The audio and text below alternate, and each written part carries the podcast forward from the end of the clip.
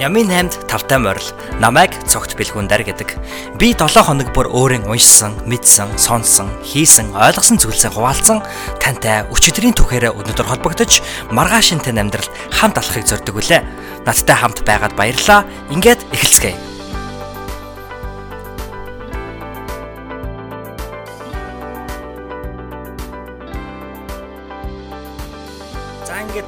Та бүхэнтэйгээ Ями 8-ийн хамгийн анхны подкаст дугаараар хүрж байгаадаа төөлн их баяртай жаргалтай байна. Тэг яагаад жаргалтай байна уу гэхээр Ями 8 гэдэг энэ хүү цуврал блог маань 2 сар гаруй хугацаанд завсарласан байгаа. Өөрөөр хэлбэл 8 сарын эхэнд буюу 8 сарын 9-нд миний бодлоор хамгийн сүүлийн Ями 8-ийн 9 дугаар дугаарыг гаргаад 2 сар гаруй завсарлаад өнөөдөр буюу 11 сарын 19-ны өдөр та бүхэнтэйгээ Нямын 8-ын 10 дугаар дугаараар хүрж байна. Тэгээ 10 дугаар дугаараар хүрэхдээ энэ удаагийн онцлог нь юу вэ гэхээр энэ бол блог биш подкаст байгаа. Өөрөөр хэлбэл аудио лог гэж хэлж болно. Блог нь болохоор бичдэг хувилбар нь энэ болохоор ярьдаг хувилбар нь гэдэг юм. Тэгээд энэ хүү дугаараар ер нь бол туршиж үзэж байна. Аа цаашдаа бол Нямын 8-а эргээгээд тогтмол хийх төлөвлөгөөтэй байгаа. Өөрөөр хэлбэл Нямын 8-ын 2 дугаар үйлрэл инхүү подкастаар 10 дугаар дугаараас эхлэн та бүхэндээ хурж байгаамаа гэж. За тэгэхээр Нямын 8 гэдэг маань өөрөө яг юу юм бэ? Магадгүй та Нямын 8-ыг өмнө хилээ сонсож байгаагүй аль эсвэл намайг юусоо мэдэхгүй байж болно. Тийм учраас үнийг мэдэхгүй тэр олон хүмүүстэй тайлбарлаад бас нэг бяцхан танилцуулга өргөе. За тэгэхээр Ямин 8 гэдэг бол хаанаас хамгийн анх энэхүү санаа төрсэн бэ гэхээр би өөрөө өөрийнхөө сурсан, мэдсэн, ойлгосон, сонссон энэ бүх зүйлсээ хүмүүстэй хуваалцах их дуртай. Тэг ялангуяа ойр дотны найзуудтайгаа дотныхоо хүмүүстэй бол байнгын л одоо өөрийнхөө тэр одоо мэдсэн юмнуудыг бол ингэж хуваалцж идэг. Өөрөөр хэлбэл миний нэг хобби. Тэгээд ингээд би илүү олон хүнд бас өөрийнхөө сонирхож байгаа зүйлийг ч юм уу өөрийнхөө сонсон зүйлийг бол хүргэхийг хүссэн. За тэгээд ер нь цаашлууд бол бусад хүмүүст бол нэг ийм юм дээр болохгүй байвал ингээ хийвэл яасан ч гэдэг юм уу? Өн амьдралыг нэг ийм өнцгөөс хараад үзвэл яасан ч гэдэг юм уу те нэг тиймэрхүү юмнуудыг хэлчмээр санагдаад идэг а гítэл би бас өөрөө дөнгөж 20 гарч явж байгаа залуу хүн учраас намайг хэн сонсох вүлээ гэж их өөрөөс өөрийгөө одоо хоош нь татаж их хоош нь удаан суусан. Тэгээ Ямин 8 гэдэг санаа маань яг үүн дээр л ургаж гарч ирсэн байгаа. Тэгэхээр би заавал би бол одоо юу гэдгийг хичнээн хувийн хөгжил ч гэдэг юм уу тиймэрхүү зүйлд маш их сонирхолтой ч гэсэндэ би мэдээч хэрэг яг энэ салбарын мэрэгчлэн бол биш А гэхдээ би яг та бүхэнтэй л адилхан энэхүү амьдрал гэдэг зүйлийг зүйлийн учрыг олох гэж бас гайхаж ангааж явж байгаа хүн. Тэгэхээр өдөр болгон хүн болгонд би тэр хүнээс тэр хүний өдөр үрээс бол сурах ямар нэгэн зүйл байдаг гэж би итгэдэг. А тиймээс би та бүхэнтэйгээ зөвхөн өөрийнхөө өчигдрийн түүхийг хуваалцах байдлаар өөрийнхөө сурсан ойлгосныг та бүхэнд бас хуваалцахыг хүсдэг юм аа. Тийм ч учраас нөхөн Ямин 8-ыг бол хийгээд а 9 дугаар та бүхэндээ нэгдүгээр үйлрэлдээ бол хүргэсэн байгаа. Нэгдүгээр үйлрэл маань өөрөө зуны үйлрэлд хүрсэн байгаа. За тэгээ намрын үйлрэлд бол ер нь бүрэн завсарлаад ийхүү 11-р сарын 19-ны өдрөөс буюу өвлийн тэргүүн сарын шинийн нэгний өдөр хамгийн анхны дугаараараа та бүхэнд хүрч байна. Подкастын маань. Тэгэхээр Ями 8 10 дугаар дугаар а подкастын маань 10 дугаар дугаар шүү. За тэгэхээр би жоохон алдчихж магадгүй шинийн нэг мөн үү биш үү? Гэтэ мөн байх гэж би итгэлтэй байна. Яагаад вэ гэхээр их эзэн Чингис хаан төрсөн өдрийг 11 сар 19-нд тэмдэглэж байгаа гэж би сонссон. Буруусан цаг байл. Тэгээ би өөрөө хаана гэдэг вэ гэхээр Америк нэгдсэн улсад байдаг. Миннесота мужид амьдардаг цогт бэлгүүндэр гэдэг нэртэй нэг юм залуу байна гэж. За тэгээд өмнө нь 9 дугаараараа би болохоор уншсан ном, уншсан мэдээ артикл, а сонссон подкаст, сонссон нэвтрүүлэг тийм ээ бүр үзсэн кино хийсэн зүйл очсон газар гэд янз бүрийн зүйлүүдэд хуваалцаар ирсэн. За тэгээд тэдгээр зүйлд бол дунд нь маш олон давтагдсан одоо зүйлүүд байдаг. Жишээ нь хамгийн сайн мэдэх нь магадгүй а хийсвэр ментор гэдэг зүйл ялж магадгүй. Тэр хийсвэр ментор гэдгийг би асан ч тайлбарлажаа. Би бол амьдралдаа маш олон тооны зарим хүнтэй харьцуулахад а зарим хүнтэй бол маш цөөн тооны хид хідэн хүмүүсийг бол өөрийн хийсвэр ментор гэж бодож явдаг.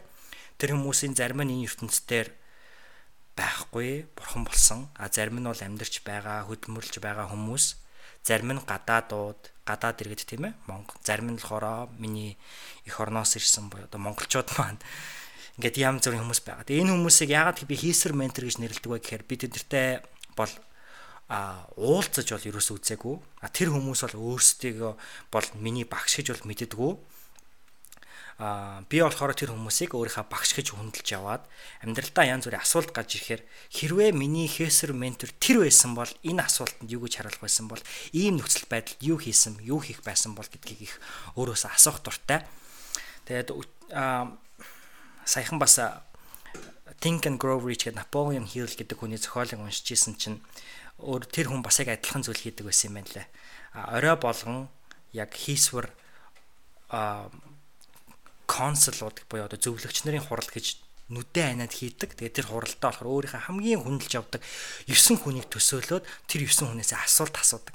Тэгэхээр тэр хийсвэр менторуудаас асуулт асуухын тулд та тэр хүмүүсийнхаа бас хийсэн, барьсан, гаргасан ном бүтээл энэ бүгдийг маш сайн мэддэг байх хэрэгтэй л юм шиг байна. Тийм үү? Тэгэхгүй бол та бас маш харанхуугаар хин нэг нэг энэ бол миний хийсэр ментор юм а гэж сонгочоод өөрөөс ямар нэгэн асуулт асуухаар тэр хүний юу гэж баримтлагдаг үзэл бодлыг сайн мэдэхгүй бол бас асуухад хүндрэлтэй шүү дээ. Ийм учраас би бол хийсэр менторуудаа байнгын судалдаг. Та бас байнгын одоо тэдгэрийн юу хийж, тэдгэр хүмүүс юу хийж байна, ямар амжилт гаргаж байна, юун дээр алдаж байна гэдгийг нь бас хардаг. А ингэснээрээ би тэрүүнийга тэр хүмүүсийнхаа тухай та бүхэндээ хүргээ зогсохгүй өөрөө ч гэсэн тэдгээр хүмүүсээс сурч чаддгиймаа гэж За тэгээд ингээд та бүхнийгаа хитрхийг удаан хүлээлгээ авах уу, хилээлгээ авах уу шууд Нями 8-ынхаа хамгийн нэгдүгээр онцлог зүйл рүү орцгоё. Нэгдүгээр онцлог зүйл маань миний нэгэн хийсэр ментор болох Brandon Burchard гэдэг хүний ном байгаа. За High Performance Habits and How Extraordinary People Become Their Way гэдэг ийм нэртэй ном байна. За энэ ном маань өөрөө сайхан 2017 оны 9-р сард бол худалдаанд гарсан. За тэгээд энэ номон дээр юуны тухай ярьдаг вэ гэхээр high performance гэдгийг би юу гэж орчуулсан бэ гэхээр өндөр үзүүлэлт гэж орчуулад байгаа. High performance өндөр үзүүлэлт. Тэр янз бүрээр орчуулж болох юм шиг байгаа. Өндөр одоо performance гэдгийг бид нар одоо юун дээр эргэлдэг штэ айгүйх спортод ч юм уу аль эсвэл компьютер дээр ч юм уу тийм ээ маш сайн хүчин чадалтай компьютер бол айгүй сайн перформанс үзүүлдэг учраас тэр бол маш хурдан ажилдаг элодод гацаа байдаггүй а спортын хүмүүс бол за энэ хүмүүс өнөөдөр LeBron James маш сайн перформанс үзүүллээ гэхээр тэр хүн тэр спортод маш сайн амжилт үзүүллээ гэдэг. За тэгэхээр энэ нь бол өөрөөр хэлбэл өндөр үзүүлэлттэй гэж хэлж болоо доо. За тэгэхээр Brandon Burchard-ийн энэ хүү номонд өндөр үзүүлэлттэй хүний 6 дадал гэж би орчуулад байгаа юм л да. Тэгээ яагаад зуршил habits-ыг би зуршил гэж орчуулаагүй вэ гэхээр зуршил дадал хоёрын хооронд би ялгаатай болов гэж хувийнхаа зүгээс хараад байгаа. Зуршил гэхээр ийм зүйл байдаг штэ. Бид нар ингээд өглөө сэрээд шүдэ угаах гэдэг бол яг үндэ зуршил болчихсон тий. Бид нар угаасаа байнгын баг насаараа хийж байгаа зүйл учраас одоо бүр өөрсдийнхээ баг мэдх мэдэхгүй баг өглөө ингээс ирчээд хагас унтаа байгаа чигээрээ шүдэ угаа зогсож идэг учраас зогсож идэг. Тэр нь яагаад вэ гэхээр бид нэр түүнийг зуршил болгочихсон учраас. За тэгвэл өнөөдөр бид нар яагаад тэр агуу хүмүүсийг дуурайгаад бүх тэр задад туршлуудын дуурайгаад хийж байгаа мөртлөө яг тэр хүмүүсийг болж чадахгүй вэ? Жишээ нь Тони Робинс гэж алдартай хувийн хөгжлийн багш байдаг. Өглөө болгон сэрээд мөстэй баананд усанд ордог гэж байгаа. Тэгэхээр тэр хүний бол түүнээс нь хамаарад одоо зүрхнийх нь цохилтын хэм нь маш их хурддаад одоо хурдан болоод кофе ууснаас илүүтэйгээр ирчүүчтэй болж одоо маш сэргэж өгдөг тийм ээ. А түүнээсээ хамаарч тэр хүн бол а маш одоо итэвхтэй өндөр үзүүлэлтийг өдрийг өнгөрөөдөг. Энэ бол тэр хүний зуршил өглөө болгон сэрээд хүүтэн мөстэй баананд усанд орно гэдэг бол. А тэгвэл өнөөдөр би ч юм уу 3 удаа мөстэй баананд орлоо гэж би Тони Робинс маргааш болох уу гэвэл болохгүй. А гэхдээ би яавал Тони Робинс шиг байж чадах вэ? Яаж тэр хүн шиг байж болох вэ гэхээр тэр хүмүүсийн дадлыг нь өөрсөндөө бий болгох хэрэгтэй. Тэгэхээр дадал гэдэг болохоор би юу гэж тодорхойлоод нэхэр ямар нэгэн хийдэг зүйл гэхээсээ илүү маш удаан хугацаанд өөртөө бий болгосон зан зан чанарч гэдэг юм уу. Байнгын өөрөөсөө бий болгож идэг тэр ирч хүч, энерги За энэ хүнийг бол ямар нэг хүнийг бол тодорхойлдог зүйлийг дадал гэж нэрлэх юм шиг. За тэгэхээр Brandon Burchard бол өөрөө хувь хүний хөгжлийн салбарт 20 гаруй жилийн туршлагатай. За тэгээд энэ хүү high performance habits буюу өндөр үзүүлэлттэй хүмүүсийн дадал гэдэг номыг гаргахдаа өөрийнхөө 10 гаруй сүүлийн 10 гаруй жил цуглуулсан баримтууд дээр үндэслээд а мөн сүүлийн 3 жил бол маш нарийн одоо академик судалгаа шинжилгээнүүд хийсэн.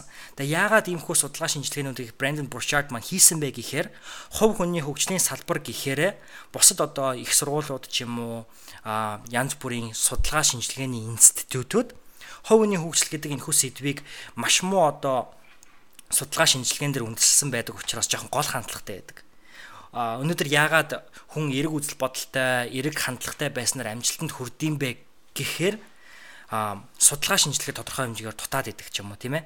Ийм учраас Brandon Burchard бол яалтчгүй хувийн хөгжилд маш сайн академик бүтээл гаргах хэрэгтэй байна гэж үтсэн байгаа. Тэгэхээр академик бүтээл гэдэг нь болохоор маш сайн шинжилгээ судалгаа шинжилгээ судалгаан дээр одоо тулгуурласан бүтээл гэсэн үг тийм ээ. За тэгэхээр сүүлийн 10 гаруй жил Brandon Burchard руу өөрөө болохоор өндөр үзүүлэлттэй хүмүүсийн академи, за тэгээд экспертүүдийн академи, а өндөр үзүүлэлттэй хүмүүсийн институт, экспертүүдийн академи гэсэн одоо хоёр том байгууллагыг удирддаг. Бас одоо миний болон бидний мэдгүй маш олон бусад хувь хүний хөгжлийн байгууллагуудыг бол удирдах жил болгон маш олон тооны одоо мэрэгжлийн хувь хүний хөгжлийн багш нар хийгээ салбар бүрийн мэрэгчлэлтэн лидершипийн одоо мэрэгчлэнүүд буюу одоо манлайллын экспертүүдийг бол бэлтгэн гаргадаг юм байна. За тэгэхээр энэхүү өөрийнхөө платформоор дамжуулж 100 сая гаруй хүнд бол ямар нэгэн байдлаараа байдлаар бол өөрийнхөө бичлэгийг бол хүргэсэн байдаг. Өөрийнхөө одоо хувийн хөгжлийн та ярьж байгаа төрөл бүрийн өөрөө сэдвүүдээр ярьж байгаа бичлэгүүдийг бол YouTube-ээр дамжуул 100 сая гаруй хүн үзсэн байдаг. Түүний одоо онлайн сургалтуудад 2 сая гаруй хүмүүс хамрагдсан байдаг. За тэгээд энэ хүмүүс бол байнгын одоо түүний судалгаа шинжилгээнд хамрагдж яадаг. Тэгэд энэхүү маш том судалгаа шинжилгээнд дээр үндэслэлснээр энэхүү 6 дадал бол яалтчгүй дэлхий дээрх хамгийн өндөр үзүүлэлттэй хүмүүст буй 6 дадал юм байна гэж тодорхойлсон байна. За дахиад сунжаад явах шүү 6 дадлаа та бүхэнд бас хэлье. За нэгдүгээр байдал дадлыг болохоор тодорхой байдал гэдэг. Тодорхой байдал гэдэг нь болохоор англиар clarity гэж орчуулна. Энэ нь бол бид нар ингээд нэг амьдралд юу хийхээ мэддэггүй үе байдаг штэ. Аа би яг 10 жилийн дараа хэн болох уу гэдэг юм уу тийм ээ. Ийм зүйл төр маш их дутдаг ч юм уу. За Oprah Winfrey бид бүхэн сайн мэдж байгаа. Oprah нэвтрүүлгийнхаа өмнө ч юм уу өмнө нэвтрүүлэг хөтэлдэг багтаа тийм ээ. Нэвтрүүлгийнхаа өмнө ч юм уу уулзалтан дээр орж ирээ. За ер нь одоо ч гэсэн бас Oprah Winfrey Network гэдэг бах а том компаниуд удирдах байгаа корпорац. Тэгээд энэхүү хурал дээр бол байнга орж ирээд нэг асуултыг хамгийн түрүүнд асуудаг гэж байгаа. What's our intention today буюу өнөөдрийн маань одоо зорилго юу вэ? Өнөөдрийн маань хийх ёстой зүйл юу вэ гэж асуудаг. Тэгэхээр ингэж асууснаар маш тодорхой байдлыг бий болгодог. Яагаад өнөөдөр бид нар уулзж байгаа? Яагаад энэхүү хурлыг бид нар зохион байгуулж байгаа гэдгийг. Тэгэхээр өндөр үзүүлэлттэй хүмүүс бол маш амьдралынхаа хэсэг болгоно их тодорхой байдаг. Өнөөдөр би ямар хэмжээний санхүүгийн амжилтанд хүрэх ёстой юм? Ямар хэмжээний академик амжилт гаргах ёстой юм? 10 жилийн дараа би хэн байх хэвтэй юм. Өнөөдөр би тэрнтэй уулзахдаа ямар энерги өөрөөсөө гаргах хэвтэй юм. Би өнөөдөр уулзалтанд орохдоо ямар зоригтой тэр уулзалтанд очих хэвтэй ингээд амьдралынхаа хэсэг бүрийг маш тодорхой байдал байдлуудаар бол хангаж өгдөг. За хоёр дахь дадал нь болохоор ирч хүч. За ирч хүч гэдэг нь болохоор Brandon Burchard өөрөө нэг ярилцсан дээр хэлж ирсэн. Энэ бол кофенаас авдаг ирч хүчийг хэлээгүй шүү гэж. Ямар ирч хүчийг хэлээд байна гэхээр нэг цаанаасаа гэрэл гээгээд цэцэрсэн хүмүүс байдаг штэ. А миний хийсэр менторууд нэг бол Gary Vaynerchuk гэдэг хүн бол маш бага кофе уудаг. Тэгснээ маш бага цаг унтдаг. Гэхдээ байнгын маш их ирч хүчтэй өвчтэй байдаг. Хүмүүс бол түүнийг бол ирч хүчийг нь бол маш их гайхдаг. Тэгээ тэр хүн ирч хүчээ юугаар тайлбарладаг вэ гэхээр тэр амьдралд маш их талархаж явдаг гэж байгаа байхгүй юу? Амьдралынхаа өдрө болгон маш их талархаж явдаг. Беларусаас зөвл хуучин одоо зөвлбот улсын бүрэлдэхүүнээс нь Беларус улсаас бол ирсэн. Тэгээд Беларусаас ирэхдээ Америкууд Беларус улсад гурил өгөөд оронд нь одоо Беларуст байгаа хөрөнгийн одоо амьдрахад хэцүү байгаа гэр бүлүүдийг Америк нэгдсэн улс хүлээн авсан хүмүүсийн дунд Gary Vaynerchuk-ийн гэр бүл ирж исэн юм түүхтэй юм байлаа. Тэгээ тийм учраас ямар азар би одоо Америкт төрээд ирсэн гэж бол тэр хүн байнгын өөртөөхөө амьдрал талархдаг ч юм уу тийм ээ. Одоо байнгын л ер нь бол өөрийнхөө амьдрал байгаа бүх зүйл талархдаг учраас тэрнээс бол ирчүүч ялгардаг аа гэж. Тэгэхээр ирчүүч бол ямар нэгэн хуурамчаар гэдэг юм уу ямар нэгэн стимулус хэрглэж буюу кофе хэрглэж, кофеин хэрглэж гаргадаг ирчүүч бус харин ямар нэгэн зүйл дээр анхаарлаа төвлөрүүлж тийм ээ талархал бол жишээ нь талархаж буй зүйл дээр анхаарлаа төвлөрүүлж чинь тийм ээ ингэснээр бол ирчүүч ялгардаг. За тэгээ psychology одоо сэтгэл зүйн хувьд ч гэсэндээ хүн ямар нэгэн зүйл дээр маш сайн төвлөрч чадсанаар бол тэр хүн бол аз жаргалтай байдаг, аз жаргалтай байсан тэр хүн бол ирчвчтэй байдаг юм байна гэж тодорхойлсон байдаг шүү дээ. За гурав дахь зүйлд бол а 3 дахь дадал бол зайлшгүй байдал буюу necessity гэж байгаа. За энэ болохоор а миний бас хувийн хөгжлийн багш одоо хийсэр ментурд нэг болох Тони Робинс түрүүнд дурдсан нэг юм юм байдаг should гэдэг өгүүлбэрүүдийг must болгож хувиргаа гэж. Тэгэхээр I should work out гэх оронд I must work out. Тэгэхээр орчуулбал за би ер нь биеийн биеийн тамир хийх хэрэгтэй дээ гэх оронд би биеийн тамир заавал хийх хэрэгтэй дээ гэж өөртөө хэлж явах хэрэгтэй. Өнөөдөр бид нар бол амьдралынхаа одоо ямар хүн болох ёстойг тодорхойлчихсан байна тийм ээ. А ийм тодорхой байснаар та өнөөдөр амьдралдаа юу юу хийх ёстойг юу нь мэдэж авна шүү дээ. За өнөөдөр би эрүүл мэндийн хувьд илүүдэлжингүү эрч хүчтэй аа гялалдсан цайхан одоо цагаан арьстай байна гэд ингэх юм бол үүний тулд та байнгын тасал хөдөлгөөн хийх ёстой. За тэгвэл энэ зорилгодоо хүрэхин тулд та за би тасал сургуульд хийх ёстой доо гэд нэг хийх хэрэгтэй дээ гэд нэг хаяадаа ингэ явдаг биш. Харин би тасал сургуульд заавал хийх ёстой гэж хэлээд заавал ингэж явж явах ёстой. Аа Энийг бас нэг өөрөө тайлбарлаж болж байгаа юм. Бид нар ингээд за энэхүү зүйлийг хийснээр ямар нэгэн зүйлийг үйлдснээр миний амьдралд ийм гайхалтай үр дүн бий болно. Би дасгал сургуульд хийснээр би эрүүл болно гэж ингэж өөрсөндөө хэлдэг тийм ээ. Тэгвэл бид нар юуныг бас эсэргээр нь бодох хэрэгтэй байна л да. Яаж эсрэгээр нь бодох вэ гэхээр хэрэг би өнөөдөр дасгал сургуульд хийхгүй бол би эрүүл бос байна. Хэрэг би эрүүл бос байвал би өөрөөсөө ирч хүч энерги ялгарч чад ялгаруулж чадахгүй. Хэрэг би өөрөөсөө ирч хүч энерги ялгаруулж чадахгүй бол миний эргэн тойрны хүмүүс намайг дагаад сэтгэлээр ундаг ч юм уу надаас надад санаанд зовоод тэр хүмүүс бас ирч хүч муутай байна гэдэг юм уу. Тэгэхээр би өнөөдөр үүнийг хийхгүй бол ямар одоо одоо сул муу сөрөг үр дагаврууд бий болох нь вэ гэдгийг байнгын тодорхойлж явах хэрэгтэй. За тэгснээр өөрсдөө өөрийнхөө амьдрал бол зайлшгүй байдлыг бий болгоно. Тэгэхээр өндөр үзүүлэлттэй хүмүүс бол гуравт заавал зайлшгүй байдлыг бол өөрөөсөө асууж идэг. За дөрөвт бүтээмжтэй байдал. За тэгээд high performance assessment гэдэг одоо нэг юм хідэн асуулттай чимд нэг 5 минутын турш бүглэх юм тест би бүгэлсэн. Тэгээ энэ тестэн дээр болохоор миний 6 дадлыг бол одоо ингээд 5 5-аас хэдэн оноо дотор ингээд юу ячиж байгаа байхгүй оноо өгчөж байгаа дүгнжиж байгаа. Тэгээ миний одоо хамгийн муу оноотой байсан нь болохоор productivity буюу бүтээмжтэй байдал гэж. За тэгэхээр түүнээсээ бол тэр дээр болохоор би нийт 5 он авах хэвтайгоос 300-ы 67 он авсан байна. Зя. Тэгээд ингээ би бодож байгаа. Би яагаад бүтээмжтэй байдал маань муу байна гэж бусад зүйлээ бодвол. Жишээ нь би бол амьдралын тодорхой байдал дээр 5 ононоос 400-ы 67 он авсан байгаа хгүй? Тэр нэлийн өндөр оноо авсан. Гэтэл ягаад би бүтээмжтэй байдал дээр муу байна вэ гэхээр би өөрөөсөө л асууж байгаа юм л та. Энэ нь болохоор бүтээмжтэй байдлыг байдалд хамгийн сөргөөр нөлөөлдөг зүйл бол distractions буюу аа одоо янз бүрийн саад янз бүрийн өөрийн чинь бодлыг боснуулсан тийм зүйлүүдийг хэлээд байгаа юм л та distractions Тэгэхээр бид нэр одоо гар утсаа хичээл ингээ хийжсэн чинь гинт ингээ гар утсанд мессеж ирдэг те. Гар утсанд мессеж ирэхэд бид нэр бид нэр нөгөө аз жаргалын дөрвөн элемент болох допамин гэдэг зүйл бол маш ихээр ялгардаг гэж байгаа. Тэгэхээр яахын аргагүй ингээ бид ингээ гар утсаа авах гэж тийм. Тэгэхээр бол ийм одоо distractionуд одоо ийм одоо таны анхаарлыг сарниулах зүйлс бол бидний эргэн дотор байнга байж идэг. За тэгээ үүнээс гадна бол мэдээж хэрэг маш олон одоо анхаарал сарниулах зүйл байна. Зөвхөн одоо тэр жижиг сажиг зүйлч биш санаа зовх зүйл нь тийм ээ хүний амьдрал бол байнга л ямар нэгэн зүйл санаа зовж идэг.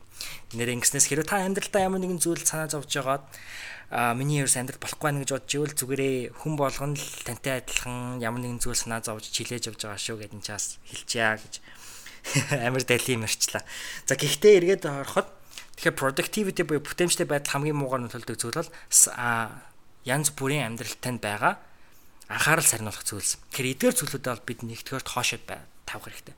Тэгэхээр гар утсан дээр бол одоо бид нэр 25 минут 25 минутаар төвлөрөх аргууд хэрэглээд тэр 25 минутынхаа туршид бол гар утсаа унтраадаг ч юм уу, airplane mode дээр нь тавьдаг ч юм уу, дууг нь хаадаг ч юм уу, ажил өөрөөсөө амар хол авч тавьдаг ч юм уу тийм ээ тиймэрхүү байдлаар. За дараагийнх нь гэвэл productivity бас яаж нэмж болж ин гэхээр унтах тийм ээ маш сайн нойр авах. А 2 7 хоногийн өмнө би Ariana Huffington гэдэг Huffington Post гэдэг одоо Америкийн маш том мэдээллийн агентлагуудын үүсгэн байгуулагч Ariana гэдэг бүсгүйгийн подкастыг сонсч ирсэн. Тэгээ тэр бүсгүй маань юу гэж хэлж ирсэн гэхээр өөрөө бол маш аимшигтай одоо ачаалд ороод ухаан алдаж унж исэн байгаа. Тэгээ үүнээсээ хойш одоо би яагаад ингэж ачаалд орчих гэж гайхажсэн болохоор ерөөсөө сайн нойр авахгүй байсан гэж тодорхойлсон. Тэгээ хүн болохоор одоо энэ дэлхийд байгаа нийт хүмүүсийн 90% нь бол зайлшгүй 7-оос 9 цагийн нойр авах хэрэгтэй байна. За тэгээ ер нь дундчлаад үзвэл хүн ер нь зайлшгүй 8 цаг унтах хэрэгтэй байна л да. Тэгээ Брэндон Бурчертын зөвлөдөг зүйл гэх юм бол ядаж 50 минут өдөрт илүү унд. Өнөөдөр та 6 цаг унтдаг бол 6 цаг 50 минут унд чинь 7 цаг гэсэн үг шүү дээ. 7 цаг унтдаг бол 7 цаг 50 минут унд. За хэрвээ та 7 цаг унтдаг тэгсэн хэвчнээ нэг л ирчүүж авахгүй байгаа бол 7 цаг 50 минут унд. За 8 цаг унтдаг бол 8 цаг 50 минут унт ч гэдэг юм. За тэгээ 9-оос бол хитээд хэрэггүй. Ягаад гэвэл хүн бас ямарваа зүйл хитрхээрээ өвчин болдог гэдгийг монголчууд бид бүхэн сайн мэдэн шүү дээ гэж. Зя бүтээмжтэй байдал дээр. За нөлөөлөл. За нөлөөлөл нь болохоор influence гэж орчуулад байгаа тийм англиар. За нөлөөллийг юунд хэрэгжилж чинь гэхээр а өндөр зүйлтэй хүмүүс бол байнгын өөрийнхөө эргэн тойронд бол нөлөөллийг бий болгож идэг. Та өөрөөсөө нэг зүйлийг бол байнга асууж авах хэрэгтэй гэж би өчтөр нэгэн подкастаа сонссон. Navin Jane гээд сарлуу 6 сарын дараа хамгийн анхны хүмүүсийг авчрахж байгаа аяллыг хийж байгаа Moon Express гэх компани үүсгэн байгуулагч Navin Jane гээд энтгэс гаралтай Америкт суурьсан entrepreneur хүн болохоор өөрөөсөө энэ асуултыг байнгын асуу гэж байгаа. Та өнөөдөр юу бүтээсэн бэ гэж. Өнөөдөр таныг хүмүүс таныг юутай вэ гэдгээр нь дүгнэхээс илүүтэйгээр таныг юу бүтээсэн бэ гэдгээр нь дүгндэг. Өнөөдөр таныг хамгийн сүүлд гарсан iPhone 10 барьж гинүү гэхээс илүүтэйгээр өнөөдөр таныг бусдын төлөө ямар хэрэгтэй 10 зүйл хийсэн байна гэдгээр нь хүмүүс дүгнэх нь илүү гэж ойлгох хэрэгтэй л гэж аам л та. Тэгэхээр яагаад өнөөдөр таны юу эзэмшдэг, танд юу байгаа нь таны юу бүтээснээс илүү бага одоо ач холбогдолтой вэ гэхээр Өөрөөр хэлбэл таны юу бүтээсэн нь илүү өндөр ач холбогдолтой вэ гэхээр ихийг бүтээдэг хүмүүс л орчин тойрондоо байнгын гайхалтай нөлөөллийг бол үзүүлж идэг. Brandon Burchard Motivation Manifesto гэдэг номон дээр бичсэн байдаг. Зарим хүмүүс ингэдэг штэ.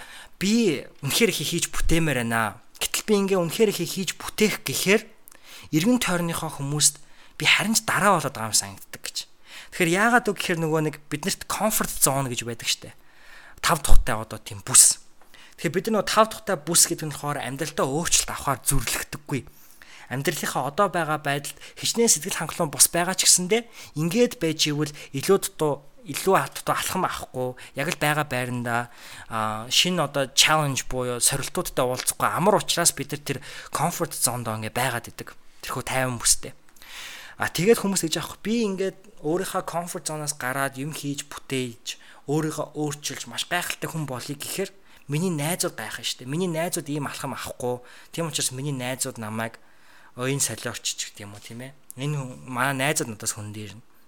Хоёр талаараа гэр бүлийнх нь бас хүн дээрнэ ч гэдэг юм. Гэтэл Brand Burchard Motivation Manifesto номон дээр юу гэж хэлсэн байдаг вэхээр үгүй харин ч та тэрхүү комфорт зоноос гарснаар эргэн тойрныхоо хүмүүст хамгийн хэрэгтэй байсан зүйлийг бий болгодог. Энэ бол нөлөөлөл. Өнөөдөр та ямар нэгэн амьдралтаа гайхалтай алхмыг аваад эхэлдэг тийм ээ. Таны эргэн тойрны найзууд чинь бүгдөө жоохон хөдөлгөөний нутагталд орсон байна гэж бодъё л доо. Бүгдөө офис ажил эрхэлдэг хөдөлгөөний нутагталд орсон хүзүүн хөшөөд л ингээл тийм ээ. Гэтэл хэрэв та өнөөдөр хамгийн анхны алхмыг аваад жимд яваад эхлэх юм бол таны ажлын газрын хүмүүс магадгүй өө болдоо жимд явж илээ шүү дээ. Би жимд явах хэрэгтэй байх гэт ингээд нөлөөлтөж орж эхэлнэ. За энэ бол хамгийн анхны энгийн нөлөөлөл тийм ээ.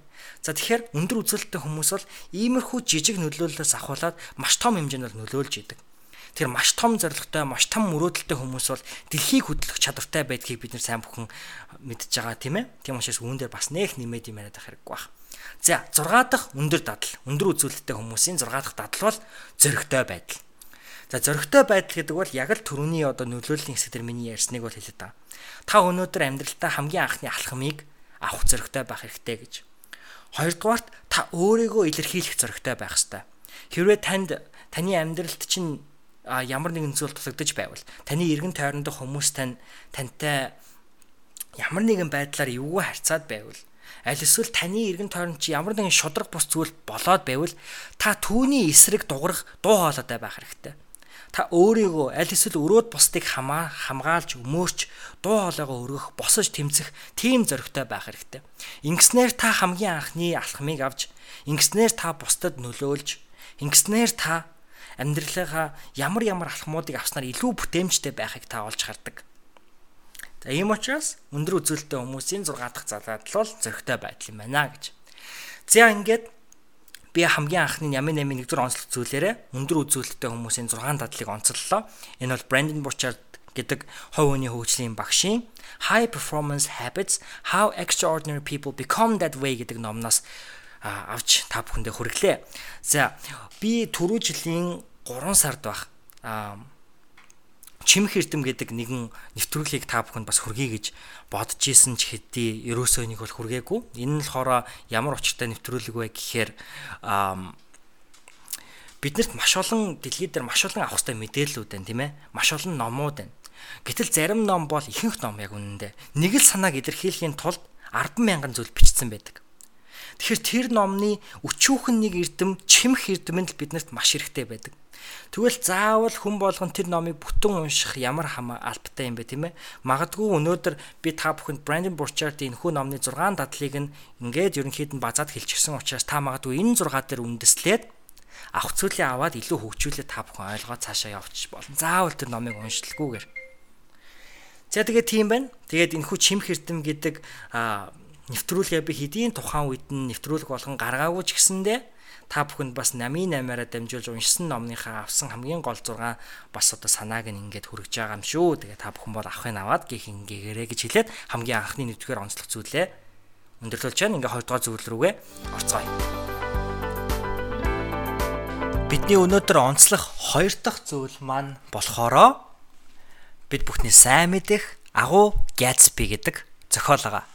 Зас кино гэж ойлгож болно тийм ээ. Би бол энэхүү агуу Gatsby буюу Great Gatsby гэдэг энэхүү зохиолын хамгийн их киног нь маа найз хүн үзүүлээд тэгээд кинонд надад маш их таалагдаад би баг тэр оройноо байнуудаа өөрийнхөө онлайн одоо e-book дээрээ 1 доллараар номыг нь худалдаж аваад уншиж эхэлсэн.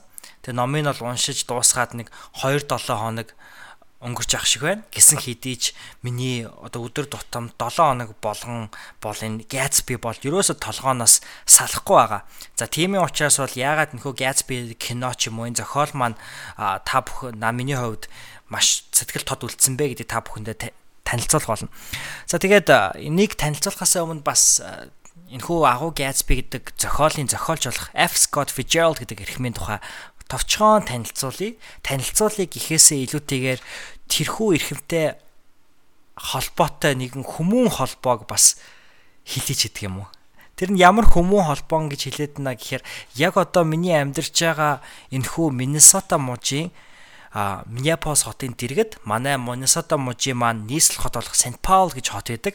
Тэгээ энэхүү Сент Паул гэдэг хотод бол манай энэхүү зохиолын маань зохиолч F Scott Fitzgerald маань төрж өссөн түүхтэй. Тэгээ одоо тэрчээ байгаа өөрийнх нь өссөн тэрхүү герт бол 75 минутын хугацаатай ийм тоор буюу одоо ийм явхан аялал хийдэг тэрхүү гудамжаар нь түүний өссөн тэрхүү байшин саваар нь аялдаг ийм гоё тоор идэм байлээ. Тэгээ тэнд очихыг бол би яахын аргагүй бас их хүсэж байгаа. Миний дараагийн хийх зүйлсээ нэг бол яахын аргагүй мөн гэж би бодож байна. Тэгээ энэ одоо хүмүүн холбоо гэх юм уу да тий. Тэгээ киног нь харж исэн байхгүй. Тэгээ кинон дээр маш гоё нэг юм үзэгдлээ дээ. Ер нь бол манай гол дүрийн залуу ноён Гац одоо бид бүхний киноны гол дүрийн баатар Gatsby. За энэ бол одоо яг спойл хийх гэдэг шүү. Киног нь үзээгүй хүмүүсээ бол аа ноён Gatsby болохоор яг Миннесота мужийн хамгийн том нуур за зөвхөн Миннесота мууж биш Хойд Америк тийм хамгийн том нуур болох Lake Superior буюу дээд нуурт ингээд аялж исэн ч гэдэг юм уу. Ер нь бол аялна гэхээс илүү адал явдал амьдралыг эрэлхийлж, амжилтыг эрэлхийлж тэнцээ одоо сел хийж одоо далай дээр бол өөрийнхөө амьдралыг өнгөрүүлж исэн. Тэрхүү том нуур дээр, далай мэ том нуур дээр. Тэр нуур дээр явж байгаа бас нэг маш нэг баян эрхэмтэй танилцсан байдаг. Тэгээ танилц танилцахдаа тэр эрхмийг маш том одоо далайн шуургаас бол аварч танилцсан.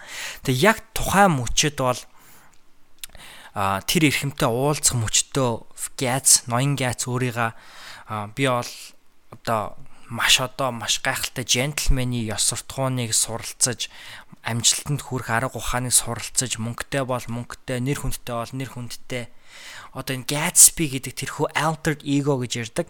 Одоо хуурамч төр төрхийг өөрөөсөө бий болгож тэрхүү төр төрхөөр бол амьдрна гэж хамгийн анхыг одоо өөртөө зориглон хэлсэн байдаг. Тэгээ яг тэр үзэгдэл Great Gatsby гэдэг 2003 онд 2013 онд гарсан кинон дээр болохоро яг манай энэ хүн Миннесота муужд байдаг. Аа дөлөөтийн дөлөөдгийн хотоос жоохон нэг 2 цагийн зайтай а нэг айгүй гоё тийм гэрэл цамхаг байдаг. Яг тэр гэрэл цамхгийн тийм зураг авалтаа хийсэн байдаг.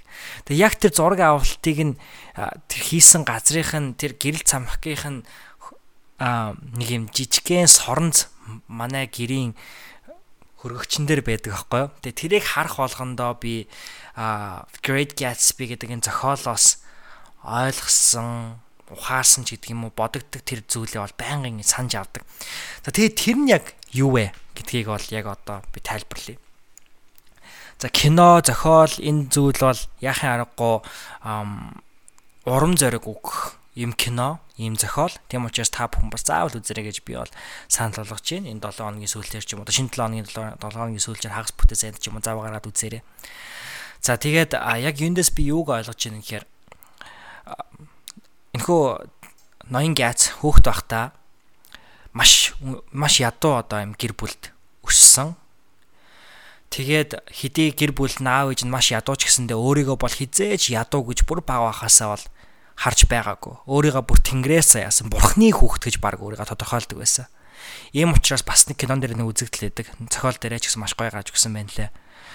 Ам тэнгэрлөө ингээ хараад өөрийгөө бол тэнгэрийн хүү гэдгийг бол бүр ингээ итгэцэн. Тэгээ бол өөрийгөө бол байнгын ингэж ирээдүйд маш удаа амжилттай байгаагаар одоо байгаа амьдралдаа бол амьдрал нь бол өөрийнх нь одоо өгөх тэр хувь тавилан биш үүнийг хэд дахин бүр маш хувьтай амьдралаар бол амьдрна гэдэг өөрөө мэдэрдэг. Тэгээ хамгийн сонирхолтой зүйл нь гэвэл яг тэгэж хүүхэд насандаа мөрөөдж исэн зорилгоо тэр мөрөөдж исэн мөрөөдлөө а өсвөр насандаа тэгээд тэрхүү том аялалд гарсан тийм ээ. Тэрхүү том аялалд гарч тэр далай дээр аялж байх хугацаанд Gads гэдэг тэр залуу, ноён Gads гэдэг тэр залуу би ноён Gatsby болно гэдэг тэрхүү зорилгыг олж авсан. А тэр түүндээ маш сайхан итгэсэн, маш гайхалтайгаар итгэсэн. За тэгээд энэ кино, энэ зохиолол ер нь бол тэр ноён Gatsby-гийн нэлээд том болсон. Тийм ээ одоо насанд хүрсэн үеийнх нь бол амьдралыг харуулдаг хизээ хэдий тэр хүн бол одоо насанд хүрсэн хүн ч гэлээ те яг тэр хүүхэд байхдаа тээжсэн тэр амьдралыг маш зорилгоор амьдралыг маш тодор хардаг зорилгоо үргэлжлэн тээдэг яг хүүхэд мэд өөрийнхөө зорилгодоо итгэж чаддаг тэр итгэлийн алдаагүй надад энэ киноны энэ зохиолын хамгийн гоё нь бол санагдсан. За тэгээд яг нийгмийн ч юм уу талаас нь харахад бол энэ энэ кино энэ зохиол бол 1920-од оны Америк нэгдсэн улсад за тэр дундаа Нью-Йорк хотод бол өрнөдөг. А тиймийн учраас бол одоо амьдралын хамгийн одоо наад захын аарсаар үзэсгэлэнгоо баян чинэлэг байдлаар бол хүний амьдралыг дүгнэх тийм зүйлүүдийг бол ингэж харуулдаг. А гисэн хэдиж яг тэрхүү зохиолыг хүүрнэж байгаа нэг Caraway гэдэг залуу бол өөрөө тэр зохиол дээр хэлсэн байдаг, номон дээрээ хэлсэн байдаг. Би бол бусдыг шүүмжлэх тэр шүүмжлэлээ дотроо залхиж үлдээдгээ гэж.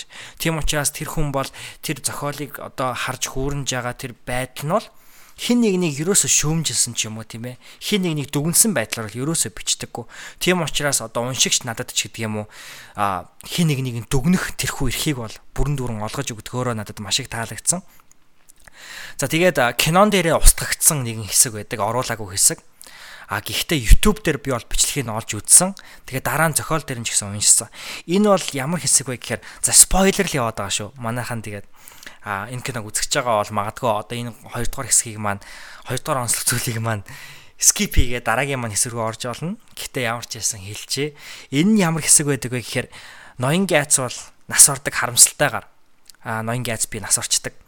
А нас орсныхан дараа хичнээн тэр хүн баян амьд байхдаа ямар баян байсан гэ түүний одоо зохион байгуулдаг парти үдэшлэг үүд дээр маш олон хүмүүс ирж түүний найз мэд байх гэж оролдож тийм ээ бүгд л би одоо ноён Гятсбиг таньдаг гэж ингэж би биендээ худлаа хэлж ноён Гятсбиг таньдаг болохоор л одоо бусдын дээр гарах гэж байгаа юм уу тийм ээ тэр хүнээр таньдагаараа өнгөрөх гээд ч юм ингээ хүн болгон тэр хүнийг мэддэг болох гол хичээдэг байсан бол нас орсныхан дараа хинч оршуулган дээр нэрдэггүй гэтэл а Ник Caraway ноён Gatsby ингэсэн байж хахад нэг хүн ирээд хаалганд тогшдог. Тэгээд тэр хүн бол би ноён Gats байна гэж хэлдэг. Тэгээд тэр хин бэ гэхээр мэдээж хэрэг манай гол дүрийн одоо залуугийн маань аав нэрдэг.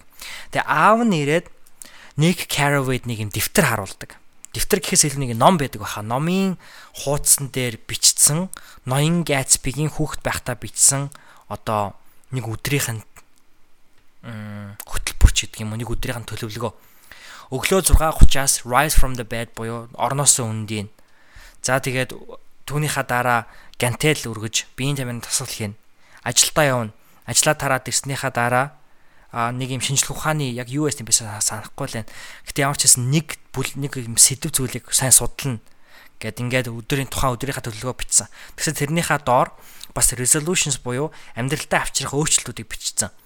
Би одоо аав ээжтэй илүү сайн байх гэж оролдоно би өдөр болгон 3 яг 7 хоног болгон билүү дээ 3 доллар хадгална ингээд ч юм уу тийм ээ. Тэгэхээр тэр хэсэг миний сэтгэлийг ягаад ч маш их хүндсэн. Яагаад вэ гэхээр ноёнгийн айц зүгээр мөрөөдөө зогсохгүй. Зөвхөн өөртөө итгээ зогсохгүй. Ноёнгийн айц тэрийг төлөлж маш нарийн төлөвлөгөөтэйгээр өдөр болгоныг маш гайхалтайгаар ашиглаж чадсанаар тэр өөрийн хүрсэн тэрхүү амжилтандаа хүрч чадсан болов уу гэж би бол ботсон. За тэгээ яахын аргагүй энэ кино, энэ зохиолыг уншихад монгол хэл дээр би бол орчуулагдсан байдаг гэж сонссон. Тэгээ энэ киног ч гэсэн та бүхэн үзээрэй гэж та бүхэнд хэлье. Тэгээд би номыг нь татаж авах Kindle-ийн линк болон киног нь үзэх линкүүдийг бас яг энэ хүү постынхаа доор оруулж учраас та бүхэн бас сонирхоорой гэж хэлье. За тэгээд ийм баг шиг байна. За би тэгээ бас энэ дээр аав нэрдэг устгагдсан хэсгийг бас YouTube бичлэгийг нь олоод та бүхэн бас энэ подкастынхаа доор тавьчих олон та бүх сонирхож үзээрэй гэж. За юм байна. Ингээд манай Ями 8 10 дугаар дугаарын 2 дугаар хэсэг 2 дугаар онцлог зүйл маань юм байлаа. Ингээд 3 дугаар онцлог зүйл рүүгээ орцгоё. Ями 8 10 дугаар дугаарын 3 дугаар онцлог зүйл бол миний 2017 он өндөрлөхөөс өмнө уншиж дуусгахыг хүсэж буй уншихыг хүсэж буй номууд. За Тэгэхээр энэ хүү жагсаалтыг би гаргахтаа хамгийн түрүүнд biographies буюу хүмүүсийн намтрыг бичсэн байгаа. Тэгэхээр яг одоо хин гэдэг зохиолчийн тим ном гэхээс илүүтэйгээр энэ хүний намтрыг уншнаа гэдэг ер нь бол тэмдэглэсэн байгаа.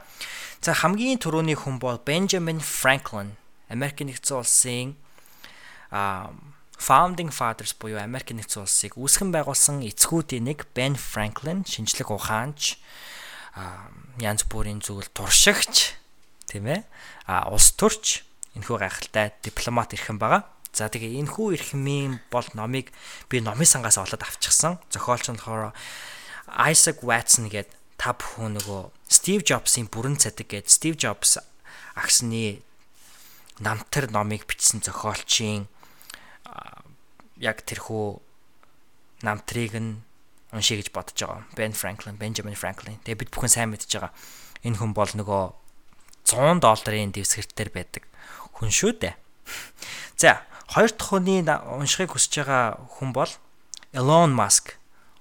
За Elon Musk бол яахын аргагүй өнөөдрийн бидний амьдарч байгаа яг энэ цаг үе мөчийн бол хамгийн гайхалтай эрхмүүдийн бол нэг мөн тэрээр маш одоогийн амжилтандаа хүрэхин төлөө маш олон одоо алдаж онж исэн. Зөвхөн одоо байгаа салбаруудаа тэр бол хөдөлмөрлөөгүй. Маш олон өөрөөр салбаруудад бол хөдөлмөрлсөн. За тэгээ түүний одоо шинээр гаргаж ирж байгаа тэрхүү шин санаанууд түүний босгож байгаа бизнесүүд бол яахын аргагүй бүр хүний соён санаа бүр багтмааргүй юм санаа гаргаж ирдэг. Жишээ нь одоо сая хамгийн сүүлд бас нэг хамгийн major одоо хамгийн томоохон санаануудын нэг нь гэвэл сансрын хүлэг ашиглаж дэлхийг тойрон аялах юм төсөл байгаа. Тэгээ энэ нь болохоор та Улаанбаатараас ч юм уу те Одоо жишээ аваа ярихад Улаанбаатараас Нью-Йорк хүртэл 30 минутын дотор нисээд очно гэж боддоо. Дэлхийн айлч өнчгөөс нөгөө өнцөг хүртэл дэлхийн ихэнх орнуудад хамгийн дэлхийн ихэнх том хотуудын хооронд 30 минутын дотор сансрын хүлэг ашиглан нисэх тэрхүү төслийг бол санаачилчихсан. Тэг ихний шатандаа бол явж байгаа юм байна лээ. Тэгээд хамгийн гайхалтай нь юу гэж үнэн нь юу вэ гэхээр яг л өнөөдөр бид нэр Нью-Йоркоос Сан Франциско нисэхэд за нэг 400 доллар гардаг байлаа гэж бодоход бол яг тиймэрхүү л үнээр ниснэ гэж тодорхойлоод байгаа. Тэгэхээр энгийн онгоцны тийзний үнээр дэлхийг сансрын хүлэг ашиглан тойрох ийм гайхалтай төсөл. За тэгэхээр яахын аргагүй бүр бидний оюун санд багтмааргүй том том зүйлийг сэддэг ийм эрхэм бол Elon Musk. Тэгээ Elon Musk-ийн намтрыг бол уншихыг хүсэж байгаа гэж. За дараагийн хүн болохоор Leonardo da Vinci.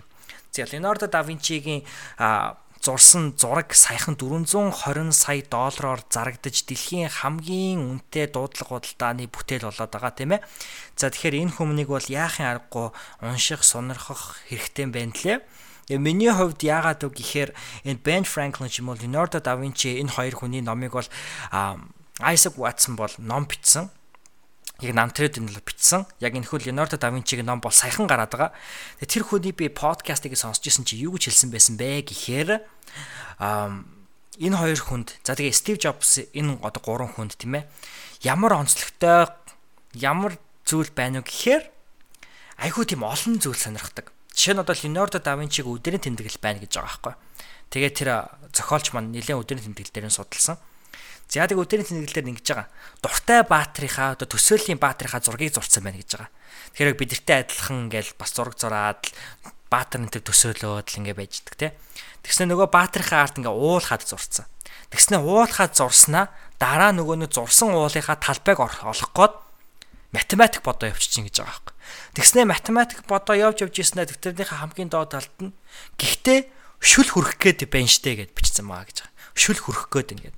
Тэгээ яагаад вэ гэхээр нөгөө Leonardo da Vinci бол ингээ байнгын ингээл айгүй ингээл юм хийгээл янз бүрийн сонирхоод ингээл юм бичээд ингээл байждаг байсан учраас нөгөө найзууд нь ингээд доор нь ингээд хоол хийчээд хөөе Leonardo хоол чи хөрчлөө штэ шүл хөрөх гээд штэ бууд шүлөө хийгдээч гэж хэлсэн юм шиг байна. Тэгсэн чинь Leonardo da Vinci тоо бодож бодож ирсэн тий хамгийн доор нь гэхдээ шүл хөрөх гээд штэ гэдэг ингээд бичсэн. За тэгснээр Леонардо да Винчиг одоо би бол өмнө нь бол ямар байдлаар төсөөлдөг байсан гэхээр айгүй тийм нэг бууртай, сууртай, номхон дөлгөөхөн хүнээр л төсөөлдөг байсан. Одоо түүний хөрөг зургийг хараад. Гэтэл зохиолчийн маань бичсэн намтрыг бол сонирхож яхад Леонардо да Винчи бол биеийн тамирын дасгал буюу одоо workout байнга хийдэг, биеэ хөгжүүлдэг. Тэгээ морь унах дуртай. Морь унахтаа дандаа дээгүүрээ шалтан морь ундаг. Тэгээ яагаад вэ гэхээр өөрийнхөө одоо тэрхүү биеийг бол гайхуулах дуртай. За тэгээд Леонардо да Винчиг сонирхолтой зүйл нь гэвэл ижил хүстэй байсан. Тэгээ тэрийг бол би юусоо мдээгүй. За тэгээрээс нь бас нэг сонирхолтой зүйл гэвэл 30 наснда өөрөө өсний бодог зохион бүтээгээд үсээ шараар бодож исэн гэж байгаа. Тэгэхээр бол бүр тэр үеийн эрхэм бол ингээ үсээ шар мараар будаад тийм ээ. Тэг янз бүрийн өөрөөр зүйлүүд сонирхоод ингэжсэн их гайхалтай. Тэгээ Бенджамин Франклин, Леонардо да Винчи хоёр бас нэг төстэй зүйл юу вэ гэхээр тэмдэглэлийн дэвтэр дээрээ одоо ийм зүйлийг бичиж байгаа гэж байгаа байхгүй юу? Маргааш өглөө би босоод галууны хүл ажигланаач гэдэг юм уу? Маргааш өглөө би босоод аа өвсөн дээр тогтсон усны туслыг ажигланаач гэдэг юм. Тэгэхээр энэ болгоны цаана ямар физикийн ч юм уу хууль боршоод байна те. Тэр дахианы тэр галууны хөл яагаад яг тийм бүтцтэй байгаа? Энэ хүү бүтцэн тэр галууд одоо ямар нөлөөтэй юм гэдэг юм. Энэ бүхнийг бол ингээ байнга судалж идэг. За Стив Джобс дээр жишээ аваад ярихад бол Стив Джобс бол хичнээн одоо маш алдартай entrepreneur, зохион бүтээгч гэсэндээ Хэрвээ бид бүхэн сайн мэдж байгаа тийм ээ. Steve Wozniak бол яг үндэ Apple-ийн ихэнх төхөөрөмжүүдийн одоо хамгийн анхны Apple-ийн компьютерийг бол зохион бүтээсэн байдаг. Хин зарж, хин худалдаанд оруулж, хин маркетинг нь хийсэн бэ гэхээр Steve Jobs хийсэн байдаг. Тэгэхээр Steve Jobs бол мэдээж өөрөө програм бичих дуртай, өөрөө зохион бүтээгч мөн.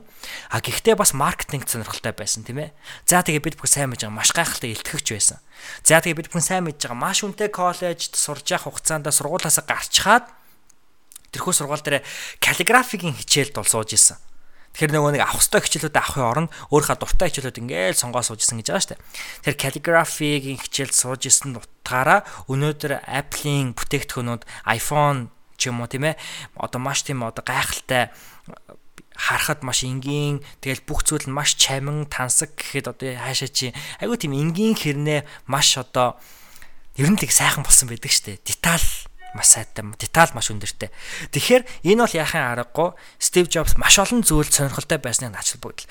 Тэгэхээр одоо Бенджамин Франклин бол Америк нэгдсэн улсын тусгаар тогтнолын төлөө асар их зүйлийг хийсэн хүн мөн а түүнээс гадна бол тэр бол маш гайхалтай дипломат хүн байсан, маш гайхалтай олон хүмүүсийг нийлүүлдэг. Олон хүмүүсийг нэг баг баг болгон хамтран ажиллуулж чаддаг удирдахч, зохион байгуулагч, төлөвлөгч хүн байсан гэдэг утгаараа Америк нэгдсэн улсын тусгаар тогтнолын тунхаглалыг бол боломжтой болгож өгсөн. Өөрөөр хэлбэл Америкийн founding fathers буюу бусад одоо Америк нэгдсэн улсыг үүсгэн байгуулсан эрхмүүдийг нэгтгэж нэг баг болгож өгсөн хүн бол Benjamin Franklin байдаг тийм ээ.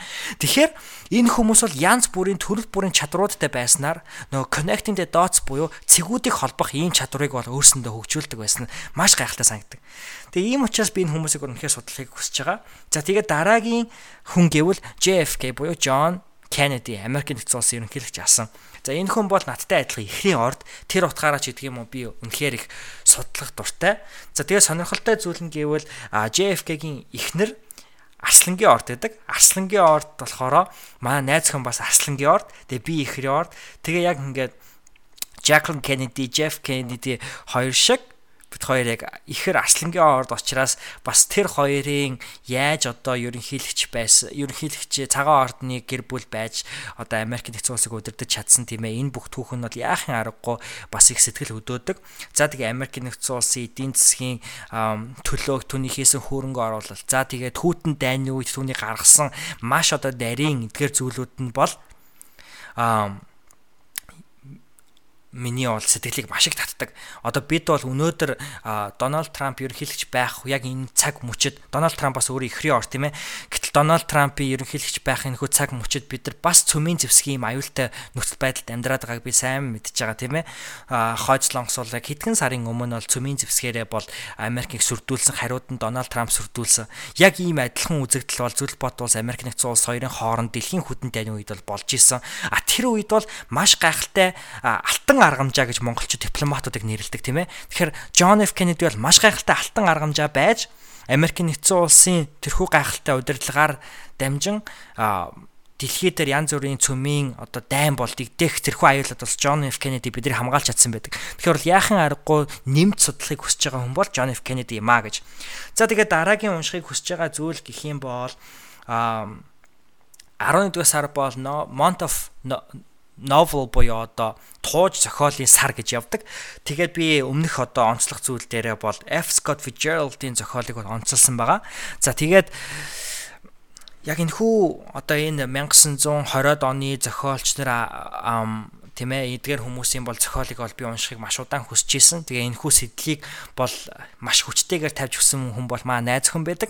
За тэгээд бас яг энэ үеийн хүмүүсийн уншихыг хүсэж байгаа бас нэгэн зохиолч гэвэл мэдээж хэрэг Ernest Hemingway. За яг ямар зохиолыг нь бол уншихыг нь бол сонгоогүй байгаа. Гэтэ бол Ernest Hemingway-ийн зохиолыг нь бол уншнаа гэж төлөвлөчихсөн байна. За дараагийнх нь. За дараагийнх нь бол яг миний сонирхдаг төрлийн буюу одоо хов өний хөгжил, сэтгэл зүй эдгээрийн төрлийн номнууд. За маш гайхалтай тохиолдолд ч юм уу ер нь би ажиглаад байхад энэ 10 11-өөс сар бол яалтчгүй миний хамгийн дуртай хүмүүсийн номоо гаргадаг одоо яг энэ цаг үе болоод байгаа маш. 9 сард Brandon Burchard High Performance Habits номоо гаргасан. Миний хийсэр ментор. За одоо бол яг миний хийсэр менторуудын бас нэгэн одоо төлөөлөгч Tim Ferriss Tribe of Mentors гэдэг ном гаргаж байгаа. За энэ бол та бүхэн мэдж байгаа одоо Монголд бол саяхан орчуулгадсан гарсан байгаа 4 цагийн одоо 4 hour work week гэдэг монголчууд маань 4 цагтай ажлын 7 хоног гэд нэрлэлсэн байгаа. За энд номын зохиолч түүний дараа бол Tools of Titans гэд дэлхий дээр хамгийн өндөр бүтээмжтэй хүмүүсээс авсан ярилцлагаараа дамжуулан тэдний өдөр тутамдаа хэрэгэлдэг аргуудыг нь бол ном болгон гаргасан байдаг. Одоо өөрийнхөө үр бүтэнжийг нэмэх аргуудыг нь ном болгон гаргасан байдаг. За тэгээ саяхан Tribe of Mentors гэж ном гаргасан байгаа. Миний сонсноор бол 100 асуултанд өөрийнхөө одоо хамгийн хүндэлж явдаг тэр Team Ferriss-ийн хийсэр одоо менторууд бол хариулсан байгаа. Team Ferriss-ийн асуултуудад. Тэгэхээр яг Team Ferriss өөрийнхөө амьдралд заавал асуухыг хүсэж исэн тодорхой асуултуудаа өөрийнхөө хамгийн одоо гайхалтай менторуудаар хариулуулж ном гаргасан нь Tribe of Mentors гэдэг ном гаргасан байгаа. За энийг бол мэдээж уншмаар байна. За дараагийн ном гэвэл Gary Vaynerchuk. Миний бас нэгэн хийсвэр ментор бол Crushing гэдэг бизнесийн ном гаргасан байгаа. За тэгээд өмнө нь болохоор Crushed илүү Crushed ч илүү Jab Jab Right Hook гэдэг өөрийнхөө философиг тайлбарласан ном байдаг. За тэгээд энэхүү номныхаа дараагийн цувралыг бол Crushing гэдэг ном гаргасан байгаа. Тэгээд энэ номыг нь бас алж уншмаар байна. За дараагийн бас нэгэн гэвэл миний хийсвэр менторуудын нэг болох Lewis Howes-ийн The Mask of Masculinity гэж ном байгаа. За тэгээ маш гоё зүйл нь юу гэх юм бол саяны дурдсан хідэн номнуудын хамгийн ихний номыг нь бол би подкастаар нь буюу сонсдог номоор нь бол сонсоо явчихсан байгаа тийм ээ. Энэ хүү Ями 8-ийнхаа 1-р онцлог зүйл дээр Brandon Burchard-ийн High Performance Habit буюу өндөр бүтэнжтэй хүмүүсийн дадал гэдэг номыг бол тодорхой 6 зүйлийг нь та бүхэндээ тайлбарлан ярьсан байгаа. Харин одоо яг хэлж байгаа энэ номын болохоор Lewis Howes-ийн The Mask of Masculinity гэдэг номыг болохоор Би яг одоо энэ 7 хоногтаас уншиж байгаа. За унших уншихтаа маа найз хүн бол надад төрөөчийн 7 хоногийн викендээр хагас бүтээсээ өдөр надад бэлэг болгон авч өгсөн. Тэгээ би энэ номыг бол маш удаан ярьсан. За тэгээ энэхүү номыг уншаад би нь 2 чаптер уншсан байгаа. Тэр 2 чаптерыг та бүхэндээ хайлтгаан дуртахад бол яг юуны тухай ном бэ гэдэг одоо санааг өгөхийн тулд тийм ээ. Хайлтгаан дуртахад бол Энэ бол өнөөдөр бидний эр хүн гэж хинбэ гэж ойлгодог тэрхүү ойлголт бол энэхүү даяарчлсан нийгэмд бол маш одоо түгээмэл байгаа тийм ээ маш адилхан. Эрэгтэй хүн уйлдаггүй эрэгтэй хүн дотоод сэтгэл хөдлөл мэдрэмжээ илэрхийлэх эрхгүй эрэгтэй хүн бол бүхнийг мэддэг байх хэвээр эрэгтэй хүн бол янз бүрийн асуудлуудыг асуудал хэдийн өмнөөс хатуу чанга зогсож одоо хичнээн хэцүү байсан ч хамаагүй түүнийгээ дотроо хадгалан тэмцэх хэвээр чулуун мэд хатуу байх хэвээр гэдэл Тэгэхээр нийгэм бол эрэгтэй хүмүүс бидэн дээр бол маш их одоо гайхалтай гайхалтай гэхээс илүү хэцүү одоо иймэрхүү шаардлагуудыг бол бид нар байнга тавьдаг. Гэтэл үнэхээр эр хүнд энэ зөв байна уу? Яагаад өнөөдөр нийт амиа хорлож байгаа хүмүүсийн 70 80% нь эрэгтэй хүмүүс байна тийм ээ? А зөвхөн одоо Америкийн ч гэдэг юм уу барууны нийгэмд биш бидний одоо зүүнний нийгэмд дорнодод гэхэд одоо Японд бол хамгийн их хүмүүс нь хэн амиа орлож юм гэхээр эрэгтэй хүмүүс нь амиа орлож. Тэгвэл яагаад?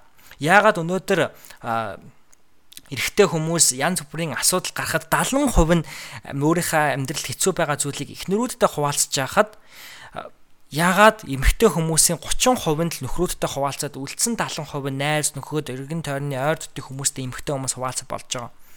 Тэгэхээр яагаад үг гэхээр эрэгтэй хүн бол ерөөсөө л өөрийнхөө дотоод мэдрэмжийг нуух энэхүү шаардлагыг нийгэм биднээс асуугаад ч байдаг юм шиг. Тэгэхээр яг энэхүү асуудлыг энэхүү зүйлийг бол энэхүү Lewis Howes гэдэг эрхэм маань хөндөж The Mask of Masculinity буюу эр хүний маск гэдэг энэхүү номоор тайлбарласан байна. Тэгээ би бол яг хоёр чаптер уншсан гэж түрүү хэлсэн. Нэгт нь Stoic Mask. Stoic гэдэг нь болохоор эртний грекийн нэг тийм юу байдаг? Аа одоо этник грекийн философи байдаг. Тэгээ тэр философи нь юу вэ гэхээр бол эрэгтэй хүн бол ер нь бол эрэгтэй хүн бол янз бүрийн амьдралын хатуу хүнд мөчүүдийг бол маш одоо зөрөгтэйгоор даван гарч за өөрийнхөө дотоод мэдрэмжүүдийг бол нуух ёстой гэж бараг л ер нь хэлсэн байдаг тийм ээ. Үнэхээр хэцүү байгаа бол хэцүүгээ нуу. Үнэхээр давах сааданд даваа. Үнэхээр давж чадахгүй байвал түүнийгээ ч нуу. Хэрвээ дотор чинь нэмзгэлж ивэл түүнийгээ нуу ч гэдэг юм уу. Иймэрхүү зүйлүүд байдаг. А гэтэл юу савслохороо эрэгтэй хүн бол яг үнэндээ vulnerable байх хэрэгтэй. За надаа энэ үг бол vulnerable буюу vulnerability гэдэг энэ үг бол сүүлийн үед бол маш их бодогдож байгаа. Энэ юуг тайлбарладаг вэ гэхээр ер нь сул дорой бай гэх нь цаашаа. Гэхдээ одоо эмзэг байж гэх нь бас хаашаач. А нээлттэй бай гэж монгол хэлээр очихвол арай дээр юм болов. Тэгэхээр яагаад вэ гэхээр бид нар өнөөдөр өөрийнхөө өөрсдийнхөө сул талыг маш ихээр нуудаг. Түүнийхээ оронд сул талаа хүмүүст дэлгэж өгснөөр тэр хүмүүс танд туслах боломжтой болдог гэдгийг ер нь бол энэ тайлбарлаад байна. За дараагийнх нь болохоор it all mask буюу бүхнийг мэддэг маск гэж тийм ээ. Эрэгтэй хүмүүс бол ингээл заавал зарим нэгэн зүйлийг бол мэдэх ёстой. За мэдэх ёстой юм шиг аашилдаг. Тэгээ тийм ч утгаараа бол хүмүүсээс илүү дээгүр байх одоо оролдоод идэг эрэгтэй хүмүүст тийм хандлага байдаг шүү дээ. Жишээ нь одоо компьютер ч юм уу машин техниктэй бол ойртоод ирэхээр бид нар эрэгтэй хүмүүс одоо заавал эмэгтэй хүнээс илүүг мэддэг байх гэж хичээгээд мэддгүү мөртлөө эмэгтэй хүний дэргэд ялангуяа мэддэг юм шиг аашилдаг. Гэтэл ингэх бол ямар ч хэрэг байхгүй гэдгийг бол Льюис Хаус бас энэ ном дээр тайлбарлсан байгаа. Тэгээд мэдээч хэрэг би яг энэ хүү гуравт гонцлох зүйл маань өөрөө миний уншихыг хүсэж байгаа номнуудын тухай ярьж байгаа учраас бас яг яг энэ хүү зүйлийн тухай яриад яах вэ? Энэ номыг илүү дэлгэнгүй яриад яах вэ? Магадгүй дараагийн ямын 8-аар юм уу тусдаа пост болгон оруулаад энэ хүү зүйлийг би бас та бүхэндээ тайлбарлаж өгөх болно гэж итгэж байна гэж. За тэгээд эндгээр саяны дурдсан номнууд бол аа ер нь бол одоогийн байдлаар 2018 оноос өмнө бол уншихыг хүсэж байгаа номод байлаа гэж. За ингээд Нямын 8-ын 3 дугаар онцлог зүйл өндөрлж байна. 4 дугаар зөвлөргөө орцгоё. За Нямын 8-ын 4 дугаар онцлог зүйл. За үүн дээрээ би юуг ярихыг хүссэн бэ гэхээр манай 1 дугаар онцлог зүйлтэй бас арай ойрхон. Юу вэ гэхээр хэрхэн үр бүтээмжээ нэмэх вэ гэж. За 1 дугаар онцлог зүйл дээр би хэлсэн байгаа. Brandon Burchard-ийн high assessment, high performance assessment гэдэг одоо өндөр дадалтай хүмүүсийн э, оноог нь шалгасан тестэн дээр бол би бүтээмж гэдэг зүйл дээр бол хамгийн бага оноог авсан буюу 3 5 оноо авах ёстойгоос 367 оноо авсан гэж та бүхэнд хэлсэн. За ийм учраас бол энэ 7 хоногт би өөрийнхөө үр бүтээмжийг нэмхийн тулд бол дараах аргуудыг судалж илүү сайн дэлгэрүүлэн судалж бас өөрийнхөө амьдрал тодорхой хэмжээгээр одоо implement хийж оруулахыг бол их зорьсон байнамаа. За тэгээд өндөр бүтээмжээ нэмэгдүүл бүтээмжээ нэмэгдүүлэхийн тулд ямар ямар алхмуудыг авч болох вэ? Нэгт. За нэгт нь болохоор the one thing буюу нэг зүйл гэдэг Gary Keller гэдэг хүний бол арга байгаа. За энэ нь болохоор а энэ хүн болохоор Gary юу гэж боддог вэ гэхээр маш жижигхэн таскууд буюу маш жижигхэн хийх ёстой зүйлүүд нь яг үнэндээ анхаарал сарниулах зүйлс юм а гэж. Тийм учраас жижиг жижигхэн нөгөө нэг нэг тийм жижиг аахар сахар зүйл дээр орооцолж ирсний оронд нэг хамгийн чухал зүйл дээр одоо орооцолт. Тэр нэг чухал зүйлээ л хий гэсэн ийм одоо ойлголт байгаа. За тэгэхээр одоо жишээ аваад яриа тийм ээ. Тэгэхээр яг энэ асуултыг өөрөөсөө асуу гэж. Би өнөөдөр ямар нэг зүйлийг хийснээр бусад зүйлүүд маань илүү амархан болох. Аль бусад хийхээр төлөвлөсөн байгаа зүйл маань хийх шаардлагагүй болох вэ? Гэдэг асуултыг өөрөөсөө асуу гэж. Тэгэхээр би өнөөдөр аль эсвэл би энэ 7 хоногт, аль эсвэл би энэ сард, аль эсвэл би энэ жилд аль нэг зүйлийг хийснээр би өөрийнхөө санхүүгийн байдлыг сайжруулж болох вэ? Аль нэг зүйлийг би хийснээр би өөрийнхөө бизнесийг дараагийн шатн дээр нь авааж чадах вэ? Аль нэг зүйлийг би хийж чадсанаар өөрийнхөө ажил дээрээ амжилт гаргах вэ? Аль нэг зүйлийг би хийж чадсанаар өөрийнхөө ойр дотны харилцаа холбоо relationship-үүдээ илүү гайхалтай баялаг болгож чадах вэ? Аль зүйл дээр би илүү анхаарлаа хандуулснаар, аль нэг зүйл дээр би илүү анхаарлаа хандуулснаар өөрийнхөө хувийн амьдралыг дээшлүүлж болох вэ? Аль нэг зүйл дээр би анхаарлаа хандуулж юу хийснээр би өөрийнхөө сүнслэг байдлыг улам нэмэгдүүлж чадах вэ? Аль юу яг нэг ямар нэг зүйлийг хийснээр би өөрийнхөө эрүүл мэндийг сайжруулж чадах вэ? Гэдэг ч юм уу. Эдгээр асуултуудыг бол өөрөөсөө энэ 7 хоногт, энэ сард, энэ жилд, энэ амьдралдаа гэдэг ингээд асууж чадсанаар та амьдралдаа байгаа бусад жижиг ахар сахар зүйлсүүдийг үгүй хийснээр та илүү өндөр бүтээмжтэй болно гэж Gary Keller санд толгож байгаа юм байна. За гуравт нь болохоор Brandon Burchard миний хийсвэр менторын 5-ыг үрчхэн 50 нэртэй формула. За энэхүү формула нь юу вэ гэх юм бол та дараах 5 зүйлийг хий. Дараах 50 5-ыг өрчин 50 гэдэг нь болохоор нэг 50-ын тоотой холбоотой дараах 5 зүйлийг хий гэсэн утгатай. За, түрүүн би бас нэгдүгээр зүйл дээр нэгдүгээр онцлог дээр хэлсэн. За, нэгдүгээр хийх ёстой зүйл бол 50 минутаар илүү их нойр ав гэж. За тэгэхээр нойр ямар чухал хэрэгтэй болохыг би бол бас нэг хайл нэгдүгээр зүйл дээр тайлбарлаад байгаа тийм ээ. 8 цаг 7-оос 8 цаг хүн заавал унтах хэрэгтэй гэж 7-оос 9 цаг. За хоёр дахь нь 50 минут илүү өглөөний аа төвлөрөх цагтай бай. Тэгэхээр өглөөс сэрчгээд 50 минутыг өөртөө зориул гэж. Тэгэхээр eat the frog first гэж нэг юм англи ишлэл байдаг. Энэ нь болохоор өглөө хамгийн түрүүнд тэрхүү а мэлхий гэдэг гэж. Мэлхий гэдэг бол өөр нэг тийм бидний төсөөс бол нэг заван амтэн шүү дээ. Тэгэхээр хамгийн хэцүү, хамгийн заван ажлыг хамгийн түрүүнд хий гэж өглөө. Тэгэхээр хамгийн хэцүү зүйлээ хүн өнөөдөр өглөөдөө ингээд замаасаа холдуулчихаар бусад зүйлүүд маш амархан санагдаж эхэлдэг. Ийм ч учраас өглөө 50 минут тусад нь цаг гаргаж одоо өөртөө хэрэгтэй тэр нэг зүйл дээрээ төвлөрөл гэж хэлээд байгаа. За гуравт нь гурав дахь зүйл маань block times гэж байгаа. Тэгэхээр 50 50 минутаар өөрийнхөө өдөрт бол одоо блок таймсуудыг гаргаж. Тэгэхээр энийг одоо яаж хэрэгжилж болох вэ гэхээр одоо хүнийг 25 минут төвлөрөөд 5 минут завсарлага аваад дахиад нэг 25 минут төвлөрөөд дахиад нэг 5 минут завсарлага авах ингээд цаг болж байгааз. Тэгэхээр нэг цагийн 10 минутын завсарлаад 50 минутанд төвлөрж байгаа. Тэгээд энэхүү төвлөрөхдөө та нэг л зорилготой байх хэрэгтэй. Өнөөдөр бидэрт бол хийх маш олон зүйлүүд байдаг. Маш олон дуусгах хэрэгтэй төслүүд байдаг тийм ээ. Гэтэл бид нэр өнөөдөр хизээч нэг тийм юу тавих нь баг байдаг. Цаг хугацаа. За би яг өнөөдөр энэхүү Ями 8 гэдэг подкастыг хийхдээ үн дээрээ нэг цаг ажиллаад паус аваад маргааш нэг цаг ажиллаад паус аавч гэдэг юм уу. Иймэрхүү цагийн хуваарлтыг бол байнга хийж явах хэрэгтэй гэж хэлээд байгаа. Тэгэхээр 50 50 минутын цагийн хуваарлтуудыг амьдралтаа бий болгоо гэж. Тэгээ тэрхүү 50 минутын хуваарлтанд бол нэг л зүйл дээр ажил. За дараагийн дөрөвт зүйл маань болохоор өдөрт 50 минутын breakout гэж. Тэгээ сүүлийн үед ялангуяа энэ 7 хоногт би найз охинтойгоо Шведийн нэгэн соёлыг бол маш их ярьсан. Энэ нь болохоор fika гэдэг нэг юм соёл идэм бэлээ. Тэгээ ер нь бол барууны ертөнцүүдэд маш их байдаг. Энэ нь болохоор өдөрт заавал нэг цагийг ажлынхаа дундуур чөлөөт цаг одоо зав болгоод одоо амьдралыг таашааж амарч амттай сайхан кофе ууж амттай сайхан амттан идэж найзуудаараа хөөрч ажлынхан газрынхантайгаа хөөрч сууж одоо цагийг нөхцөх. Тэгэхээр бол хүний амьдралд бол ингээ байнгын ажил ажил ажил ажил ажил гэхийн оронд ажил ажил ажил амралт ажил ажил ажил гэж хийж чадвал та илүү өндөр өв бүтэмжтэй байж чадна гэж Brandon Burchard амлаад байгаа юм шүү. За тав дахь зүйл болохоор 50 минутын renewals гэж хэлээд байгаа. За энэ болохоор шинжилэл. За энэ бол юу ч яж болно. Та өнөөдөр амьдралдаа жишээ нь 50 минут workout хийснээр 50 минут биеийн тамирын дасгал хийснээр хийх чадах бүтээмжээсээ илүү өндөр бүтээмжтэй байж чадна. Тэгэхээр юу таныг сэргээдэг вэ, тийм ээ? Юу таныг дахиад сэргсэн юм шиг болгодог вэ? Магадгүй энэ өдрийн унтлага байж болно. Nap буюу дуг хийх, тийм ээ? 50 минут дуг хийгээд үлдсэн 30 минут нэг сайхан уран зохиолын ном уншчихад ч юм уу, та амардаг, дахиад сэргээ, дахиад нэг сайхан 8 цагийн нойр авчихсан юм шиг болдог байж магадгүй. Тэгэхээр энэ таван зүйлийг амьдралдаа хэрэгжүүл. За дахиад хэлчихье.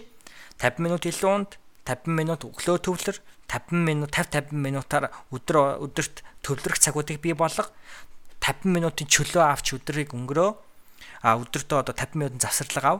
За тэгээд хамгийн сүүлийн 5 дахь зүйл маань болохоор 50 минут өөрийгөө сэргээх ямар нэгэн зүйл хий. Тэр нь болохоор биеийн тамирын дасгал ч юм уу, унтах ч юм уу, юу ч хийж болно. Юу таныг сэргээдэг вэ? За дараагийн маань үр бүтэнжийг нэмэгдүүлэх зүйл бол Jack Dorsey гэдэг хүн байна. Энэ бол өөрөө бид бүхнээс амар их Twitter гэдэг компани үүсгэн байгуулагч байгаа гэж. А энэ хүн нь юуг санал болгосон бэхээр not to do list-ийг бий болгоо гэж. Тэгэхээр өнөөдөр бид нар хийх зүйлийн жагсаалт гэж гаргадаг. Тэгвэл яагаад өнөөдөр бид нар хийхгүй байх зүйлийн жагсаалт гэж гаргаж болохгүй гэж.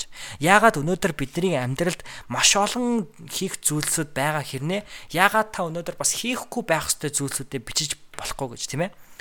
а тэдгээр зүйлүүд нь юу байж болох вэ гэхээр магадгүй эрүүл мэндэд анхаарал тавьж байгаа бол та өнөөдөр түргэн хоол идэж болохгүй ч гэдэг юм. За аль эсвэл та өөрийнхөө relationship-т илүү одоо хөрөнгө оруулалт хийхийг хүсчихвэл хоол хоолныхоо ширээний ард гэр бүлтэйгээ сууж явахдаа уцаа оролдохгүй байх ч гэдэг юм тийм ээ. Иймэрхүү байдлуудаар хийхгүй байх зүйлүүдийн жагсаалтыг гаргаа гэж. Тэгээд энэ бол одоо илүү зуршил гэсэн үг шүү дээ. Та ямар одоо хийхгүй амьдралдаа ямар зуршлуудыг бий болгож ямар зуршлуудыг үгүй хийхээ бичээл гэсэн. За тэгээд үүн дээр болохоор дараагийн бас нэгэн зүйлийг бас холбож ярив. Дараагийн одоо үр бүтээмжийг нэмэгцүүл энэ бол Паретогийн хууль гэж. За тэгэхээр би бол энийг одоо сэхэтэн төслөөрөө тэгээд 50 найзтайгаа хийдэг подкаст лайв нэвтрүүлгүүдээр ч юм уу олон ярьжсэн баг. Паретогийн хууль бол бид бүхэн сайн мэдэх 80 20 хууль байгаа. А өмнө нь ч би хальт меншн өмнө нь ч гэсэн яг энэ дугаар дээр бас хальт яриад өнгөрсөн байгаа тийм. Тэгэхээр өнөөдөр таны гаргаж байгаа нийт амжилтын өнөөдөр таны гараас гарч байгаа нийт зүйлийн 80 гаруй хувь нь таны хийж байгаа ердөө 20% зүйлээс л одоо шалтгаалдаг гэдэг юм шүү дээ. Тэгэхээр бол та одоо түрүүний нөгөө нэг Jack Dorsey-гийн хийхгүй байх зүйлийн жагсаалтыг гаргаснаар та өнөөдөр магадгүй Facebook дээрээ нэгэн пэйж ажилладаг байлаа гэж бодъё. Та тэрхүү пэйж дээр чинь одоо пост хийхдээ бол та ингээд зүгээр ингээд зураггүй ингээд үг бичдэг тийм ээ. Гэтэл та өнөөдөр зураггүй үг бичих оронд зурагтай үг бичих нь илүү олон хүнээс дагдаг бол өнөөдөр та зураггүй үг бичгээ болно гэдэг not to do list-ийг одоо хийхгүй байх зүйлийн жагсаалтандаа дэмжснээр та нөгөө нийт таны пэйжийг чинь дагдаг 80 хүмүүсийг 80% хүмүүсийг татдаг тэр зүйл дээр илүү төвлөрч чадж байгаа ч гэдэг юм. За иймэрхүү байдлаар Pareto-гийн 80 20 хуулийг бол хэрэглээзэ гэж та бүхэндээ хүсэж байна. За энэ бол манай Ями 8-ын дөрөвт концлох зүйл буюу хэрхэн үр бүтэнжээ нэмэх аргуудыг хүргэсэн байдал байлаа. За ингээд 5 дугаар зүйл рүүгээ орцгоё.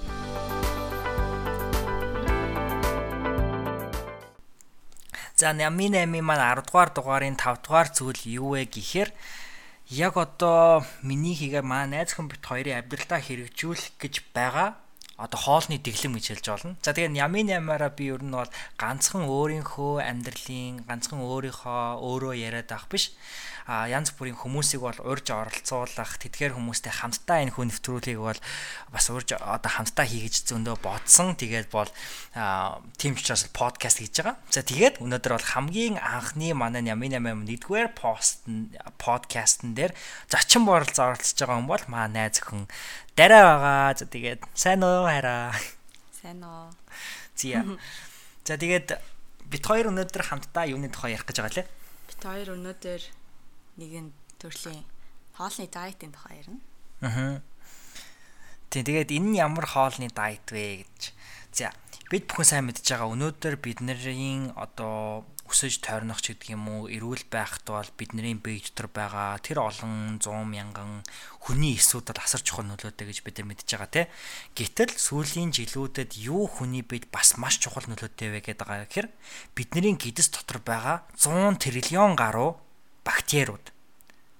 За тэгээд бактери гэдэг нь болохоор бид нар нөгөө монголчууд нэг ингээл нэг тийм өөртөндөө итэг гэдэг юу гэдэг лээ. Нөгөө нэг believe your gut гэдэг чинь монголоор юу гэдэг лээ. Нэг дотоод мэдрэмжэндээ мэтг гэлдэг штэ тий. Тэгээд нэг тийм гидсэн дотроос нэг сигнал ирээл хэдэг. Тэгээд тэрийг бол ингээд зүгээр хинч өгөөд хинч биш өгөөд байдаг яг үндэ бидний гидс дотор байгаа. Тэр олон зуун мянган микробот. Тийм, сайн муу микробот өгдөг. Тэрхэнд сигнал өгдөг. Тийм. Тийм ба. За тэгээ бит хоёрын ярих гэж байгаа дайетны нэр нь болохоор ер нь no lectin diet. Тийм баг lectin diet гэдэг юм уу? Lectin гэдэг нь юу вэ гэхээр нэг төрлийн уураг. Тэгээ тэр уураг нь болохоор хаана олддог вэ гэхээр ер нь бол янз бүрийн vegetable ногоонуудын хальсанд тэгээд бас grains гэдгийг англиар Ер нь бол тэгэл одоо гурил будаа, тийм будаа. Тийм, тэгэнгүүтээ бас peanuts, газрын самар, газрын самар, beans тэгж үтгэлээ. Шаш. Тийм. Шашнуудад айгүй их агуулгадаг ийм уураг байгаа. Тэгээд энийг идэхгүй байснаар хүний бие ямар ач холбогдолтой вэ гэхээр ямар ач холбогдолтой. Тэгэхээр ер нь бол одоо бид бүхэн нэг юм асуудал өгдөг штэ ингээл байнгын гиз дотор өвддөг, ходоод өвддөг. Ялангуяа миний бол number одоо нэг биений асуудал байгаа одоо эрүүл мэндийн хувьд бол байнгын ходоод өвддөг тийм ээ. За тэгээ дээрэс нь бол нөгөө айгүйх батг гардаг ч юм уу. За тэгээ нөгөө бидний царай зүс одоо арсны өнгө сайн гэрэлтэж өгөхгүй байгаа ч юм уу. Иймэрхүү зүйлүүд бол бидэрт ажиглагддаг. За тэгээ хамгийн чухал одоо хамгийн одоо яршигтай санагддаг зүйл бол нөгөө энергийн дутагдал. Ингээл нэг ирч хүчгүй санагдаад л гэдэг. За бас нэг дараагийн зүйл нь юу гэхээр нөгөө байнгын үлэн мэдрэмж Гэл нэг өлсөөл идэг. Тэ? Эдгээр мэдрэмж. Тэгээ эдгээр мэдрэмжүүд болохоор юм идэхээрээ бас хизээ цацснаа. Хизээ болгоо мэдтгүү ах. Ийм олон юмнуудын гол шалтгаан нь юу вэ гэхээр бидний ходоод эзэнд байгаа сайн микробууд нь ингээд муу микробнуудаа дарагтаад ирэхээрээ тийм мэдрэмжүүд янз бүрийн эрүүл мэндийн асуудлууд үүсдэг. Тий. Тэгээ өмнө нь бол ингээл одоо хэдий хэмжээний калори идэж хэдий хэмжээний нөө калори дотроо те хэрэг нүүрс ус хэрэг одоо уур гэдгүү энэ төр гэдгийг амар хардаг байсан бол одоо бол амар сонин аль одоо хоол хүнс нь миний нөө гиз дотор байгаа муу бактериудыг нь хөлсгөөж сайн бактериудыг дэмжих үү гэж одоо тийм өнцгөөс харж байгаа. Тэр нь амар сонин сонирхолтой. Тэг өнөөдөр бит хоёр бол хүнсээ цогцолох гэж явсан те. Тэг яг ингээд сагсандаа ингээд хүнснүүдэд цогцолж ингээд харсан чинь амар их ногоо. Тэгээ бас загас омега 3-тай омега 3 баялаг тоол хүнс авсан. Тэгэл өмнө нь бол ерөөсөө тийм одоо сакс дүүрэн ногоо хүнсний ногоо ч юм уу нов ногоо юмнууд бол нэг харж байгаагүй юм бэлээ. Хвчлэн тэгэл янз бүрийн өөр мах тий төрлөөрийн мах ер нь бол авцсан. Тэгсэн чинь одоо л бөөн хүнсний нөгөө. Тэгээд юу идэж болохгүй л одоо жишээнүүд гэвэл юу идэж болохгүй гэхээр помидор нэгт хоёрт болохоор чинжүү гэж ярьдаг Монголд. Гуравт тэгээд одоо янз бүрийн нэг тийм хатуу хальстай ногоонууд байдаг да хүнснээ. Жишээлбэл хаш байна. Өгөрцөний хальс бас лектэнтэй байдаг. Тэгээд бас өөр юу гэдэг янз бүрийн ногоонууд луун байж болно. Төмс. Тийм төмс бас аюу их лектэнтэй. Тэр нь тэгэхээр төмснийх нь хальсандаа биш дотроо ч гэсэн лектэн агуулдаг гэсэн. Тий. Тийм тэгээд тэр лектинүүд нь болохоор бидний одоо ходоод гизэн байгаа тэр сайн микробуудыг устгаад бидний нөгөө нэг муу микробуудыг аюу хооллоод юм муу микробууд нь илүү хүчтэй болоо сайн микробуудаа дараад идэг болохоор бидний биед аюу муу гэсэн. За тэгээд энэ дээр нэмээд бас нөгөө сахар болон сахар орлуулагч сплenda гэдэг юу байдаг да. Тэр бас бидний муу микробуудыг аюу хоолдог гэсэн. Тэр нь болохоор нөгөө diet сода гэж яддаг штеп. Сахаргүй мөртлөө сахартай юм шиг амтагддаг. Одоо нөгөө нэг diet coke гэд Монгол байдаг хаа нэг хар юутай лейблтэй. Тэгээ ямар ч сахаргүй Coca-Cola Zero гэдэг лөө. Тийм тэр нь тэр айгу муу ягаад гэвэл энэ бол тэгээ бидний гизэн дага хамгийн сайн микробуудыг устж үгүй болгодог. Юу гэлээ баг бүх сайн нэг тийм ундаа авахад л бүх сайн микробуудын 50%-ыг нь устгадаг гэсэн. Бит хоёрын үдсэн нөгөө нэг баримтат кинон дээр болохоор тэр нэг доктор ингээ энэ бүгдийг тайлбарлаж байгаа байхгүй юу. Тэгээд тэр доктор нь тайлбарлахдаа бидний сайн микробууд одоо бидний ходооднд байгаа сайн микробуудыг нэгэн том ойгоор төсөөлөөд тэгээд ширэнгэн экосистем бүр ингээ байгуулсан ингээ байж хахад бид нар одоо айгүй их лектэнтэй хоол идээд ч юм уу эсвэл антибиотик уугаад эсвэл тэр нөгөө сахар орлуулагч уугаад тэр экосистемүүдийг ингээд устгаад те ямар ч нөгөө нэг үйл одоо юу тийм үйл ажиллагаагийн ингээд саар сааруулад тэгдэг гэсэн. Тийм. Тэгээ антибиотик гэдэг бол ер нь яг тэр ой модны хувьд бол бүр юу гэсэн шүү цумын зэвсэг. Яг ингээд хамгийн муу бактерийг нь мэдээж хэрэг онилж бол та тэр үнийг одоо хэрглэж байгаа тий. Гэтэл тэр нөгөө нэг муу одоо террористуудыг одоо жишээ нь ингээд одоо өнөөдөр улс төрийн байдал ч гэсэн ингээд бид нар нөгөө сирлүү ингээд дайрмаар байдаг тий дайрыг гэх нь муу талуудыг нь устгаж байгаа. Гэтэл цаана бол маш олон одоо энгийн ард иргэдийн бол амь нас яригдчихийдэг. Яг л түнтэй адилхан антибиотик бид нар хэрэглэхэд муу микробоч алчдаг хэрнээ цаана маш олон одоо сайн микробуудаа бас алаа ичдэг. Тэгэхээр нөгөө ширэнгэн ойгоор төсөөлж хараа гэдэг байгаа учир нь юу вэ гэхээр нөгөө мод гэдэг чинь өөрөө маш удаан ургадаг тийм ээ олон мянган жилийн бараг л одоо настай болж иж том ширэнгэн бий болдог тийм ээ. Тимийн учраас л ер нь ширэнгэн гэж харж төсөөл гээд байгаа юм билэ. За тэгээд юу тэрийг бол идэж болохгүй зүйлүүд юм байна л тийм ээ. Тэгэхээр юу идэж болох вэ? Өнөөдөр хоёул юу юу авлаа? Юу идэж болох вэ гэхээр ер нь бол загсны мах айгүй омега 3-аар баялаг байдаг. Загсны мах тулгуу идэж эдгийг зөвлөсөн. Одоо бүхрийн мах, хоньны мах ямар нэгэн одоо улаан махны оронд. Тэгээ бас шууны мах. Нөгөө turkey тэгээд дахиа аа тэг яг Үхрийн махыг бол айгүй жоохон хэмжээгээр идэж бол болно. Тэг тэрний гол шалтгаан нь юу юм шиг байгаа. Одоо ингээ Америкт байгаа нийт үхрийн үхрийн махнууд бол нөгөө байха антибиотик тариулсан байдаг. Тийм учраас та яг антибиотик уухтай л адилхан нөгөө үхрийн махаар ч дамжаад нөгөө махаа эзэн ч антибиотик идэж байна л гэсэн Тийм учраас Монголын нөхцөл бол ондоо яж магадгүй. Ягаад бол би сайн мэдэхгүй байна. Гэтэ Монголын өхрүүд бол мэдээж хэрэг Америкийн одоо барууны ертөнцийг бол хамаагүй органик grass fed буюу одоо өвсөөр хөрсөөр хоолдог. Хөрсөөр өвсөөр хоолдог. Тийм. За тэгээд өндөг бол идэж болно. Тэгээд ер нь бол навчит ногоонууд буюу leafy greens одоо цэцэгт байцаа, салаатны байцаа, салаатны байцаа, бууцаа аа ногоон сонгон цагаан цэцэгт байцаа гэх мэт хоолнууд одоо ногоонуудыг бол Тэр нь бол хүүхд байхдаа идэхийг хүсдэггүй байсан бүх ногоонуудаа одоо идэх хэрэгтэй гэсэн. Тийм. Ер нь бол навчит ногоонууд толгой хэрэглээд нөгөө нэг хальстай хатуу ногоонуудаас ер нь татгалцуулах гад байгаа юм шиг байлээ. Аа. За тэгээд жимснүүд гэсэн байгаа. Харин жимснүүд дотроо зөвхөн нөгөө in season буюу яг Улиралтанд тааруулж иддэг. Тааруулж иддэг. Жимснүүд бол болохгүй.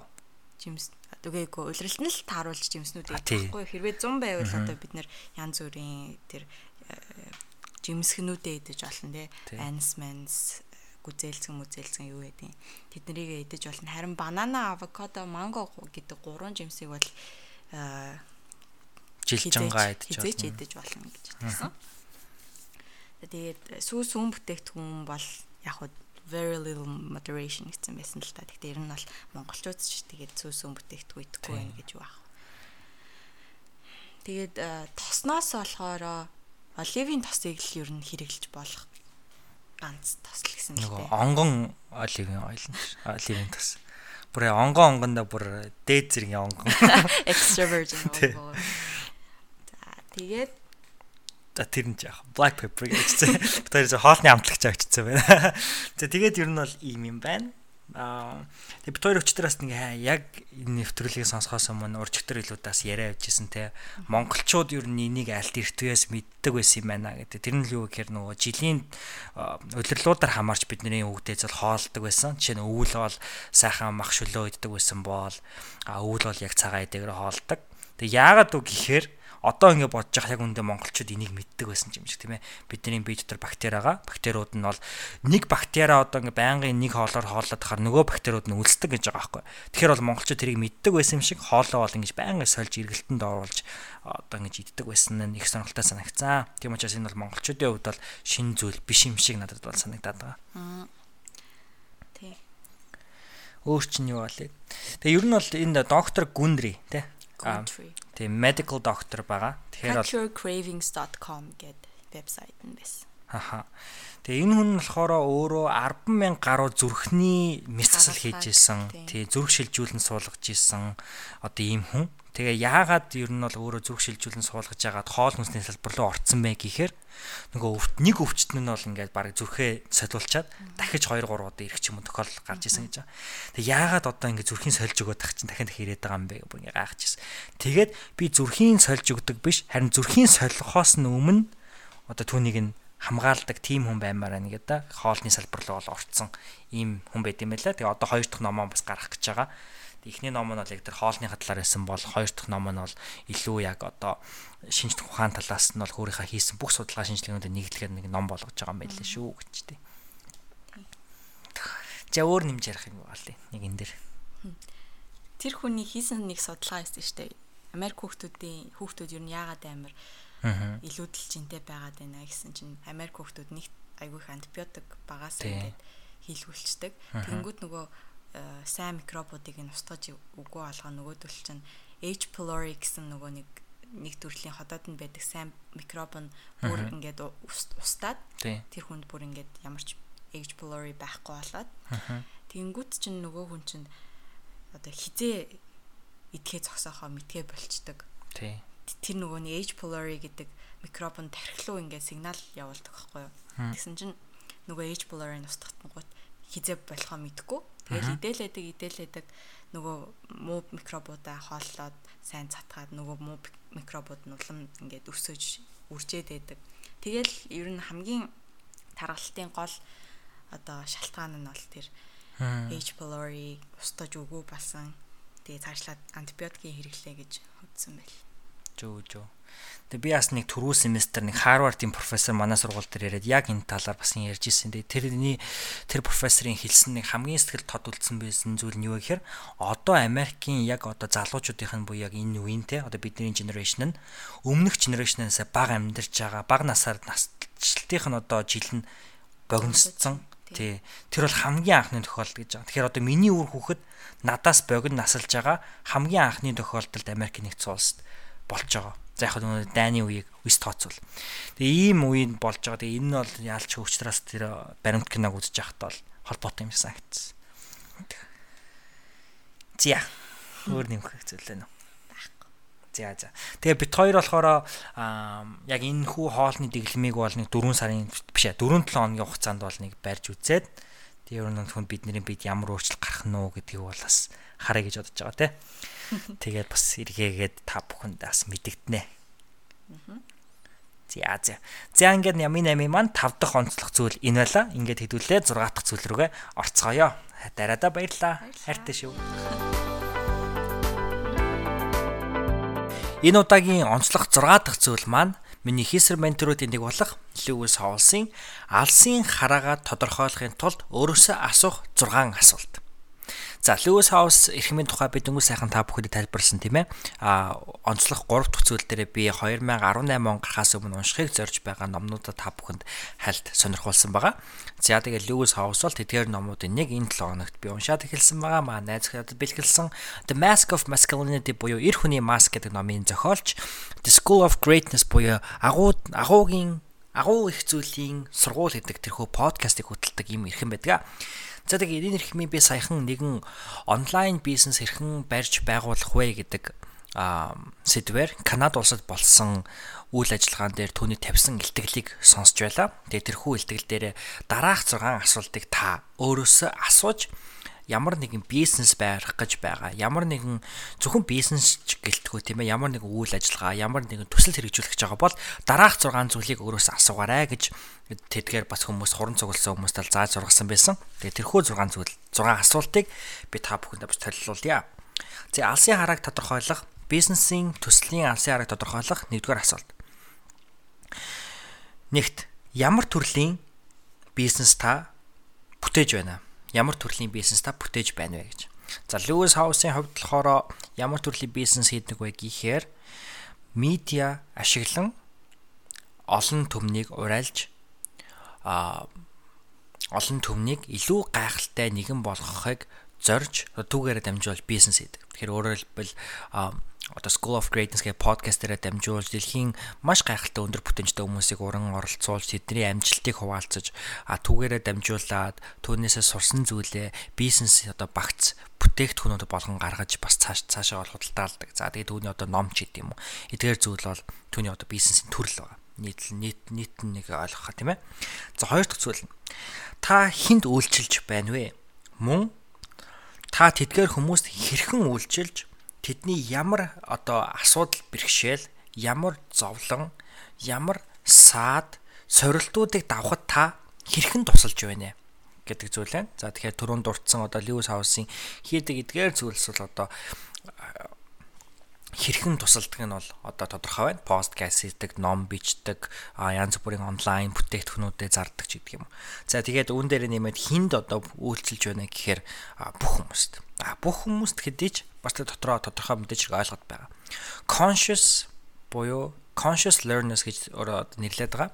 Маш одоо ухамсартайгаар өдөр тутамдаа суралцаж, үлийн өндөр бүтэмжтэй байхыг оролдог тэдгээр хүмүүс бол Lewis House-ийн хувьд бол одоо үйлчлэхийг хүсэж буй хүмүүс нь юм байна шүү дээ. За 3 дахь асуулт.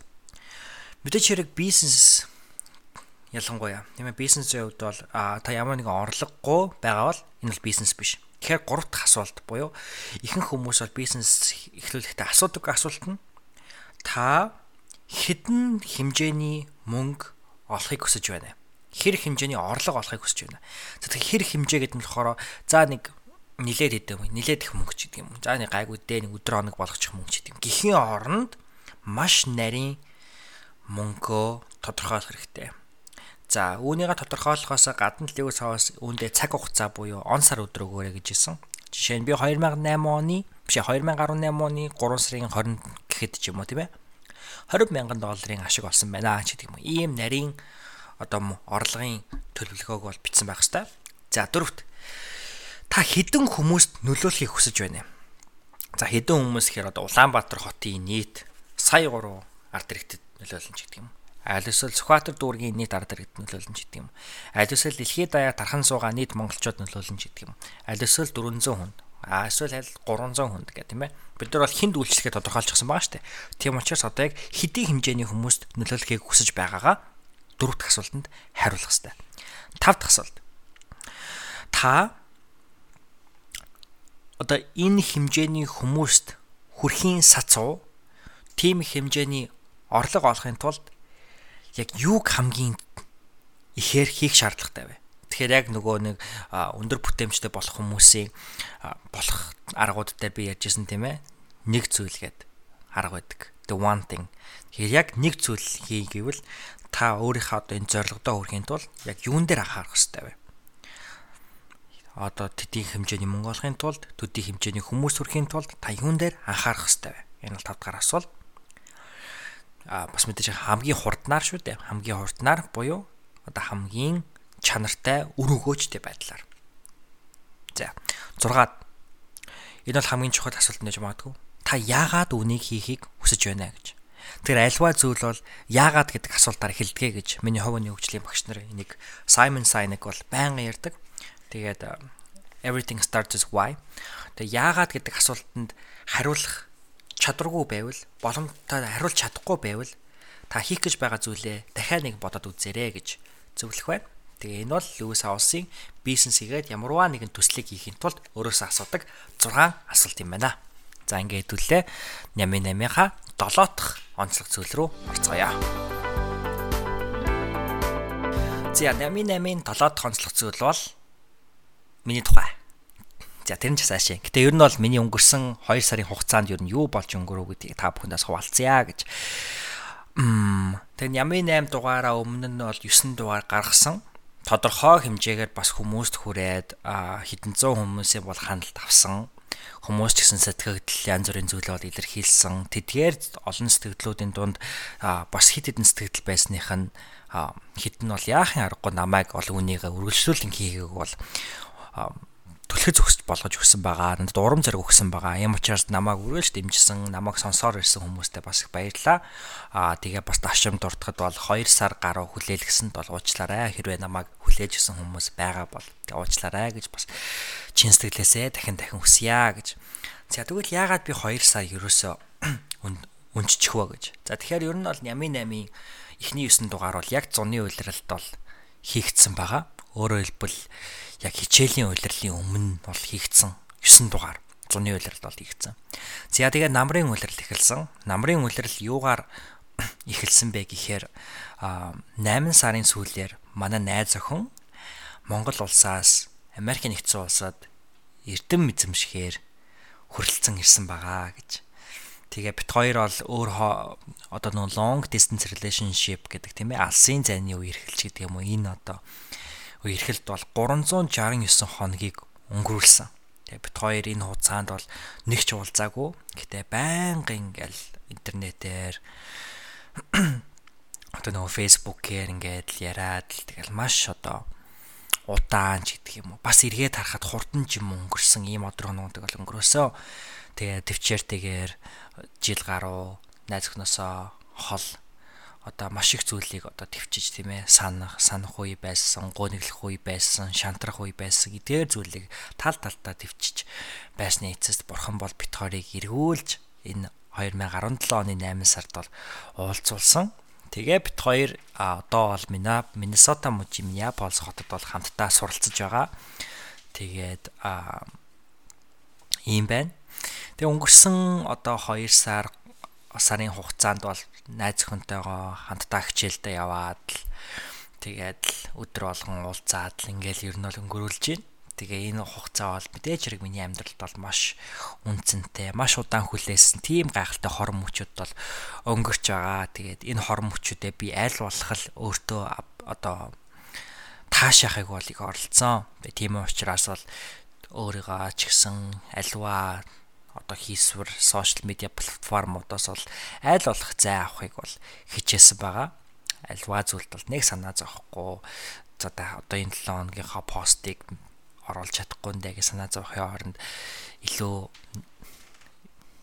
найз өхөнтэйгоо цагийг зарцуулахыг бол мэдээж хэрэг хүссэн. За тэгээ түүнээс гадна бол хичээл бас орж байгаа. А би бол одоо төгсөх бакалаврын зэрэгээ төгсөх шатандаа бол явж байгаа сүүлийнхаа жил дээр явж байгаа оюутан. Тийм учраас бол хичээл ном гээд жоохон завгүй ийм байгаа. За тэгээ бас нэгэн сонирхолтой мэдээлэл гэвэл саяхан 2017 оны 10 сарын сүүлээр бид нэр Америк нэгдсэн улсад 6 жил зараалан зохион байгуулагдаж байгаа. Надад хэлэх хөг байна тэмцээнийг бол Миннесота мужда бол зохион байгуулсан байгаа гэж Тэгээ над хэлгөөг 8 тэнцэнийг бид нар Миннесота мужийнхаа Миннеаполис хотноо яг бидний одоо суралцж байгаа Миннесотагийн их сургуулийг нөхөө сургууль дээр зохион байгуулсан. Тэгээ энэ зохион байгуулсан тэнцээнд маань Америкийн нэгдсэн улсаар тархан суурьсан Монгол оюутан хийгээд залуучууд хөдөлмөрлөлч буй залуучууд маань хөрөлцөн ирж оролцож нэгэн гайхалтай одоо 7 хоногийн сүүлийг бол өнгөрүүлсэн байгаа. За дурдвал одоо Вашингтон мужаас байсан, Виржиниа, Вашингтон мужаас байсан, Виржиниа мужаас байсан аа за тэгээд юу лээ? Висконсин мужаас байсан. За Иллиной мужаас байсан. аа North Dakota мужаас байсан санагдчихээн. New Hampshire мужаас байсан гэд маш олон мужуудаас бол аа маш олон залуучууд цугласан. За тэгээ мэдээж хэрэг Миннесотагийн мужийн залуучууд маань ч гэсэн өргөн дэлгэрээ оролцсон ийм хоёр өдрийн ивент болсон. Ерөнхийдөө бол 2 өдрийн аль биесны ивент, нэг өдрийн 5 дахь өдрөө оролцуулаад нийтдээ 3 өдрийн одоо арга хэмжээ болсон байгаа.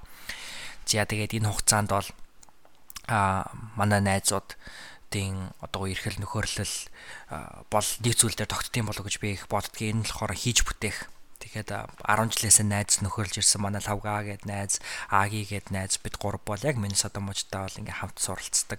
Тэгээ бид гурав юм бас энэ хөө одоо нөхөрлөл бол хийж бүтээх зүйл дээр их төвлөрсөн байдаг. Тэгээ үүнийгээ бас баяжуулсан, үүнийгээ баттгсан ийм сайхан ивент болсон гэж харж байгаа. Найз нөхрөлийн хувьд. За тэгээ модэж хэрэг манай найз өхөн миний дэргэд байсан учраас бол би маш ширч хүчтэй байж чадсан гэж харж байгаа. Тэгээ өөрийнхөө айлгах чадах чинээгээр бол тэрхүү тэмцээний зохион байгуулах арга хэмжээнд нь бол баг багаар туслаад явсан болсон. Да тэгээд яг тэмцээнийх үеэр бол хөтлөгч хийж бас жоохон өөргөө ороод гүйцэтгсэн байгаа. Тэгээд мэдээж хэрэг би найз өхөн маш их үүрэг ороолынд оруулсан. Тийч бүтэн өдрийн одоо яг тэмцээний үеэр бол бүх одоо онлайн шууд сурвалжлагыг хийгээд тийч яг компьютерийн ард өдөржингөө сууж тэрийг ол зохицуулсан. Тэгээд ингээ харахад бол үерхэл хайрт бит хоёрын хувьд бол бас хамтдаа нэгэн ажлын ард гарсан бас нэгэн одоо туршлага байлаа. За өмнө нь бол маа найзууд төрөөцөн Монголд очихдаа бол Америкт сурцгаа гэдэг ивентийг зохион байгуулад 300 гаруй оюутан Монгол хүүхд залуучуудаа бол илтгэл лекц бол хүргэж исэн. Тэгээ үүний ард бас маа найз хүн байсан. Ингээ бодохоор бидний нөхөрлөл миний миний одоо үерхэл энэ бүхэн бол хийж бүтээх гэдэг одоо сайхан зүйл төр бол улам бадамлан асаж бат баттаж байгаа гэдэгт бол туйлын их баяртай байгаа. За тэгээ амьдралд маань иймэрхүү сонирхолтой зүйлүүд өрнөсөн байна. Тэгээ одоо өөр юу байдгийг тийч зөндөөл юм болсон байгаа. Тэгээ ер нь бол 2 сар завсарлсан шалтгаан нь бол юм байла. Гэтэ өнөөдөр бол одоо ингээд өвлийн тэргүүн сарын шиний нэгэн болж байна. Тийм учраас бол шиний нэгэнд би нөгөө нэг астрологи буюу одоо тийм зүйлд их хэтгдэг одоо орон гэдэг юм уу тийм зурхаа гэдэг ч юм уу. Тэгээ учраас шинэ сарын эхний өдөр бол би их бэлгшээдэг.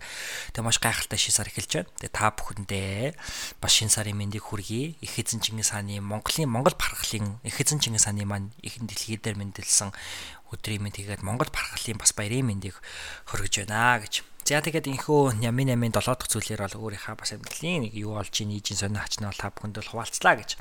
За тэгээд одоо шууд нямын намынхаа хамгийн сүүлийнхаа 8 дугаар хэсэг рүү шууд ингээ орё гэж бодлоо.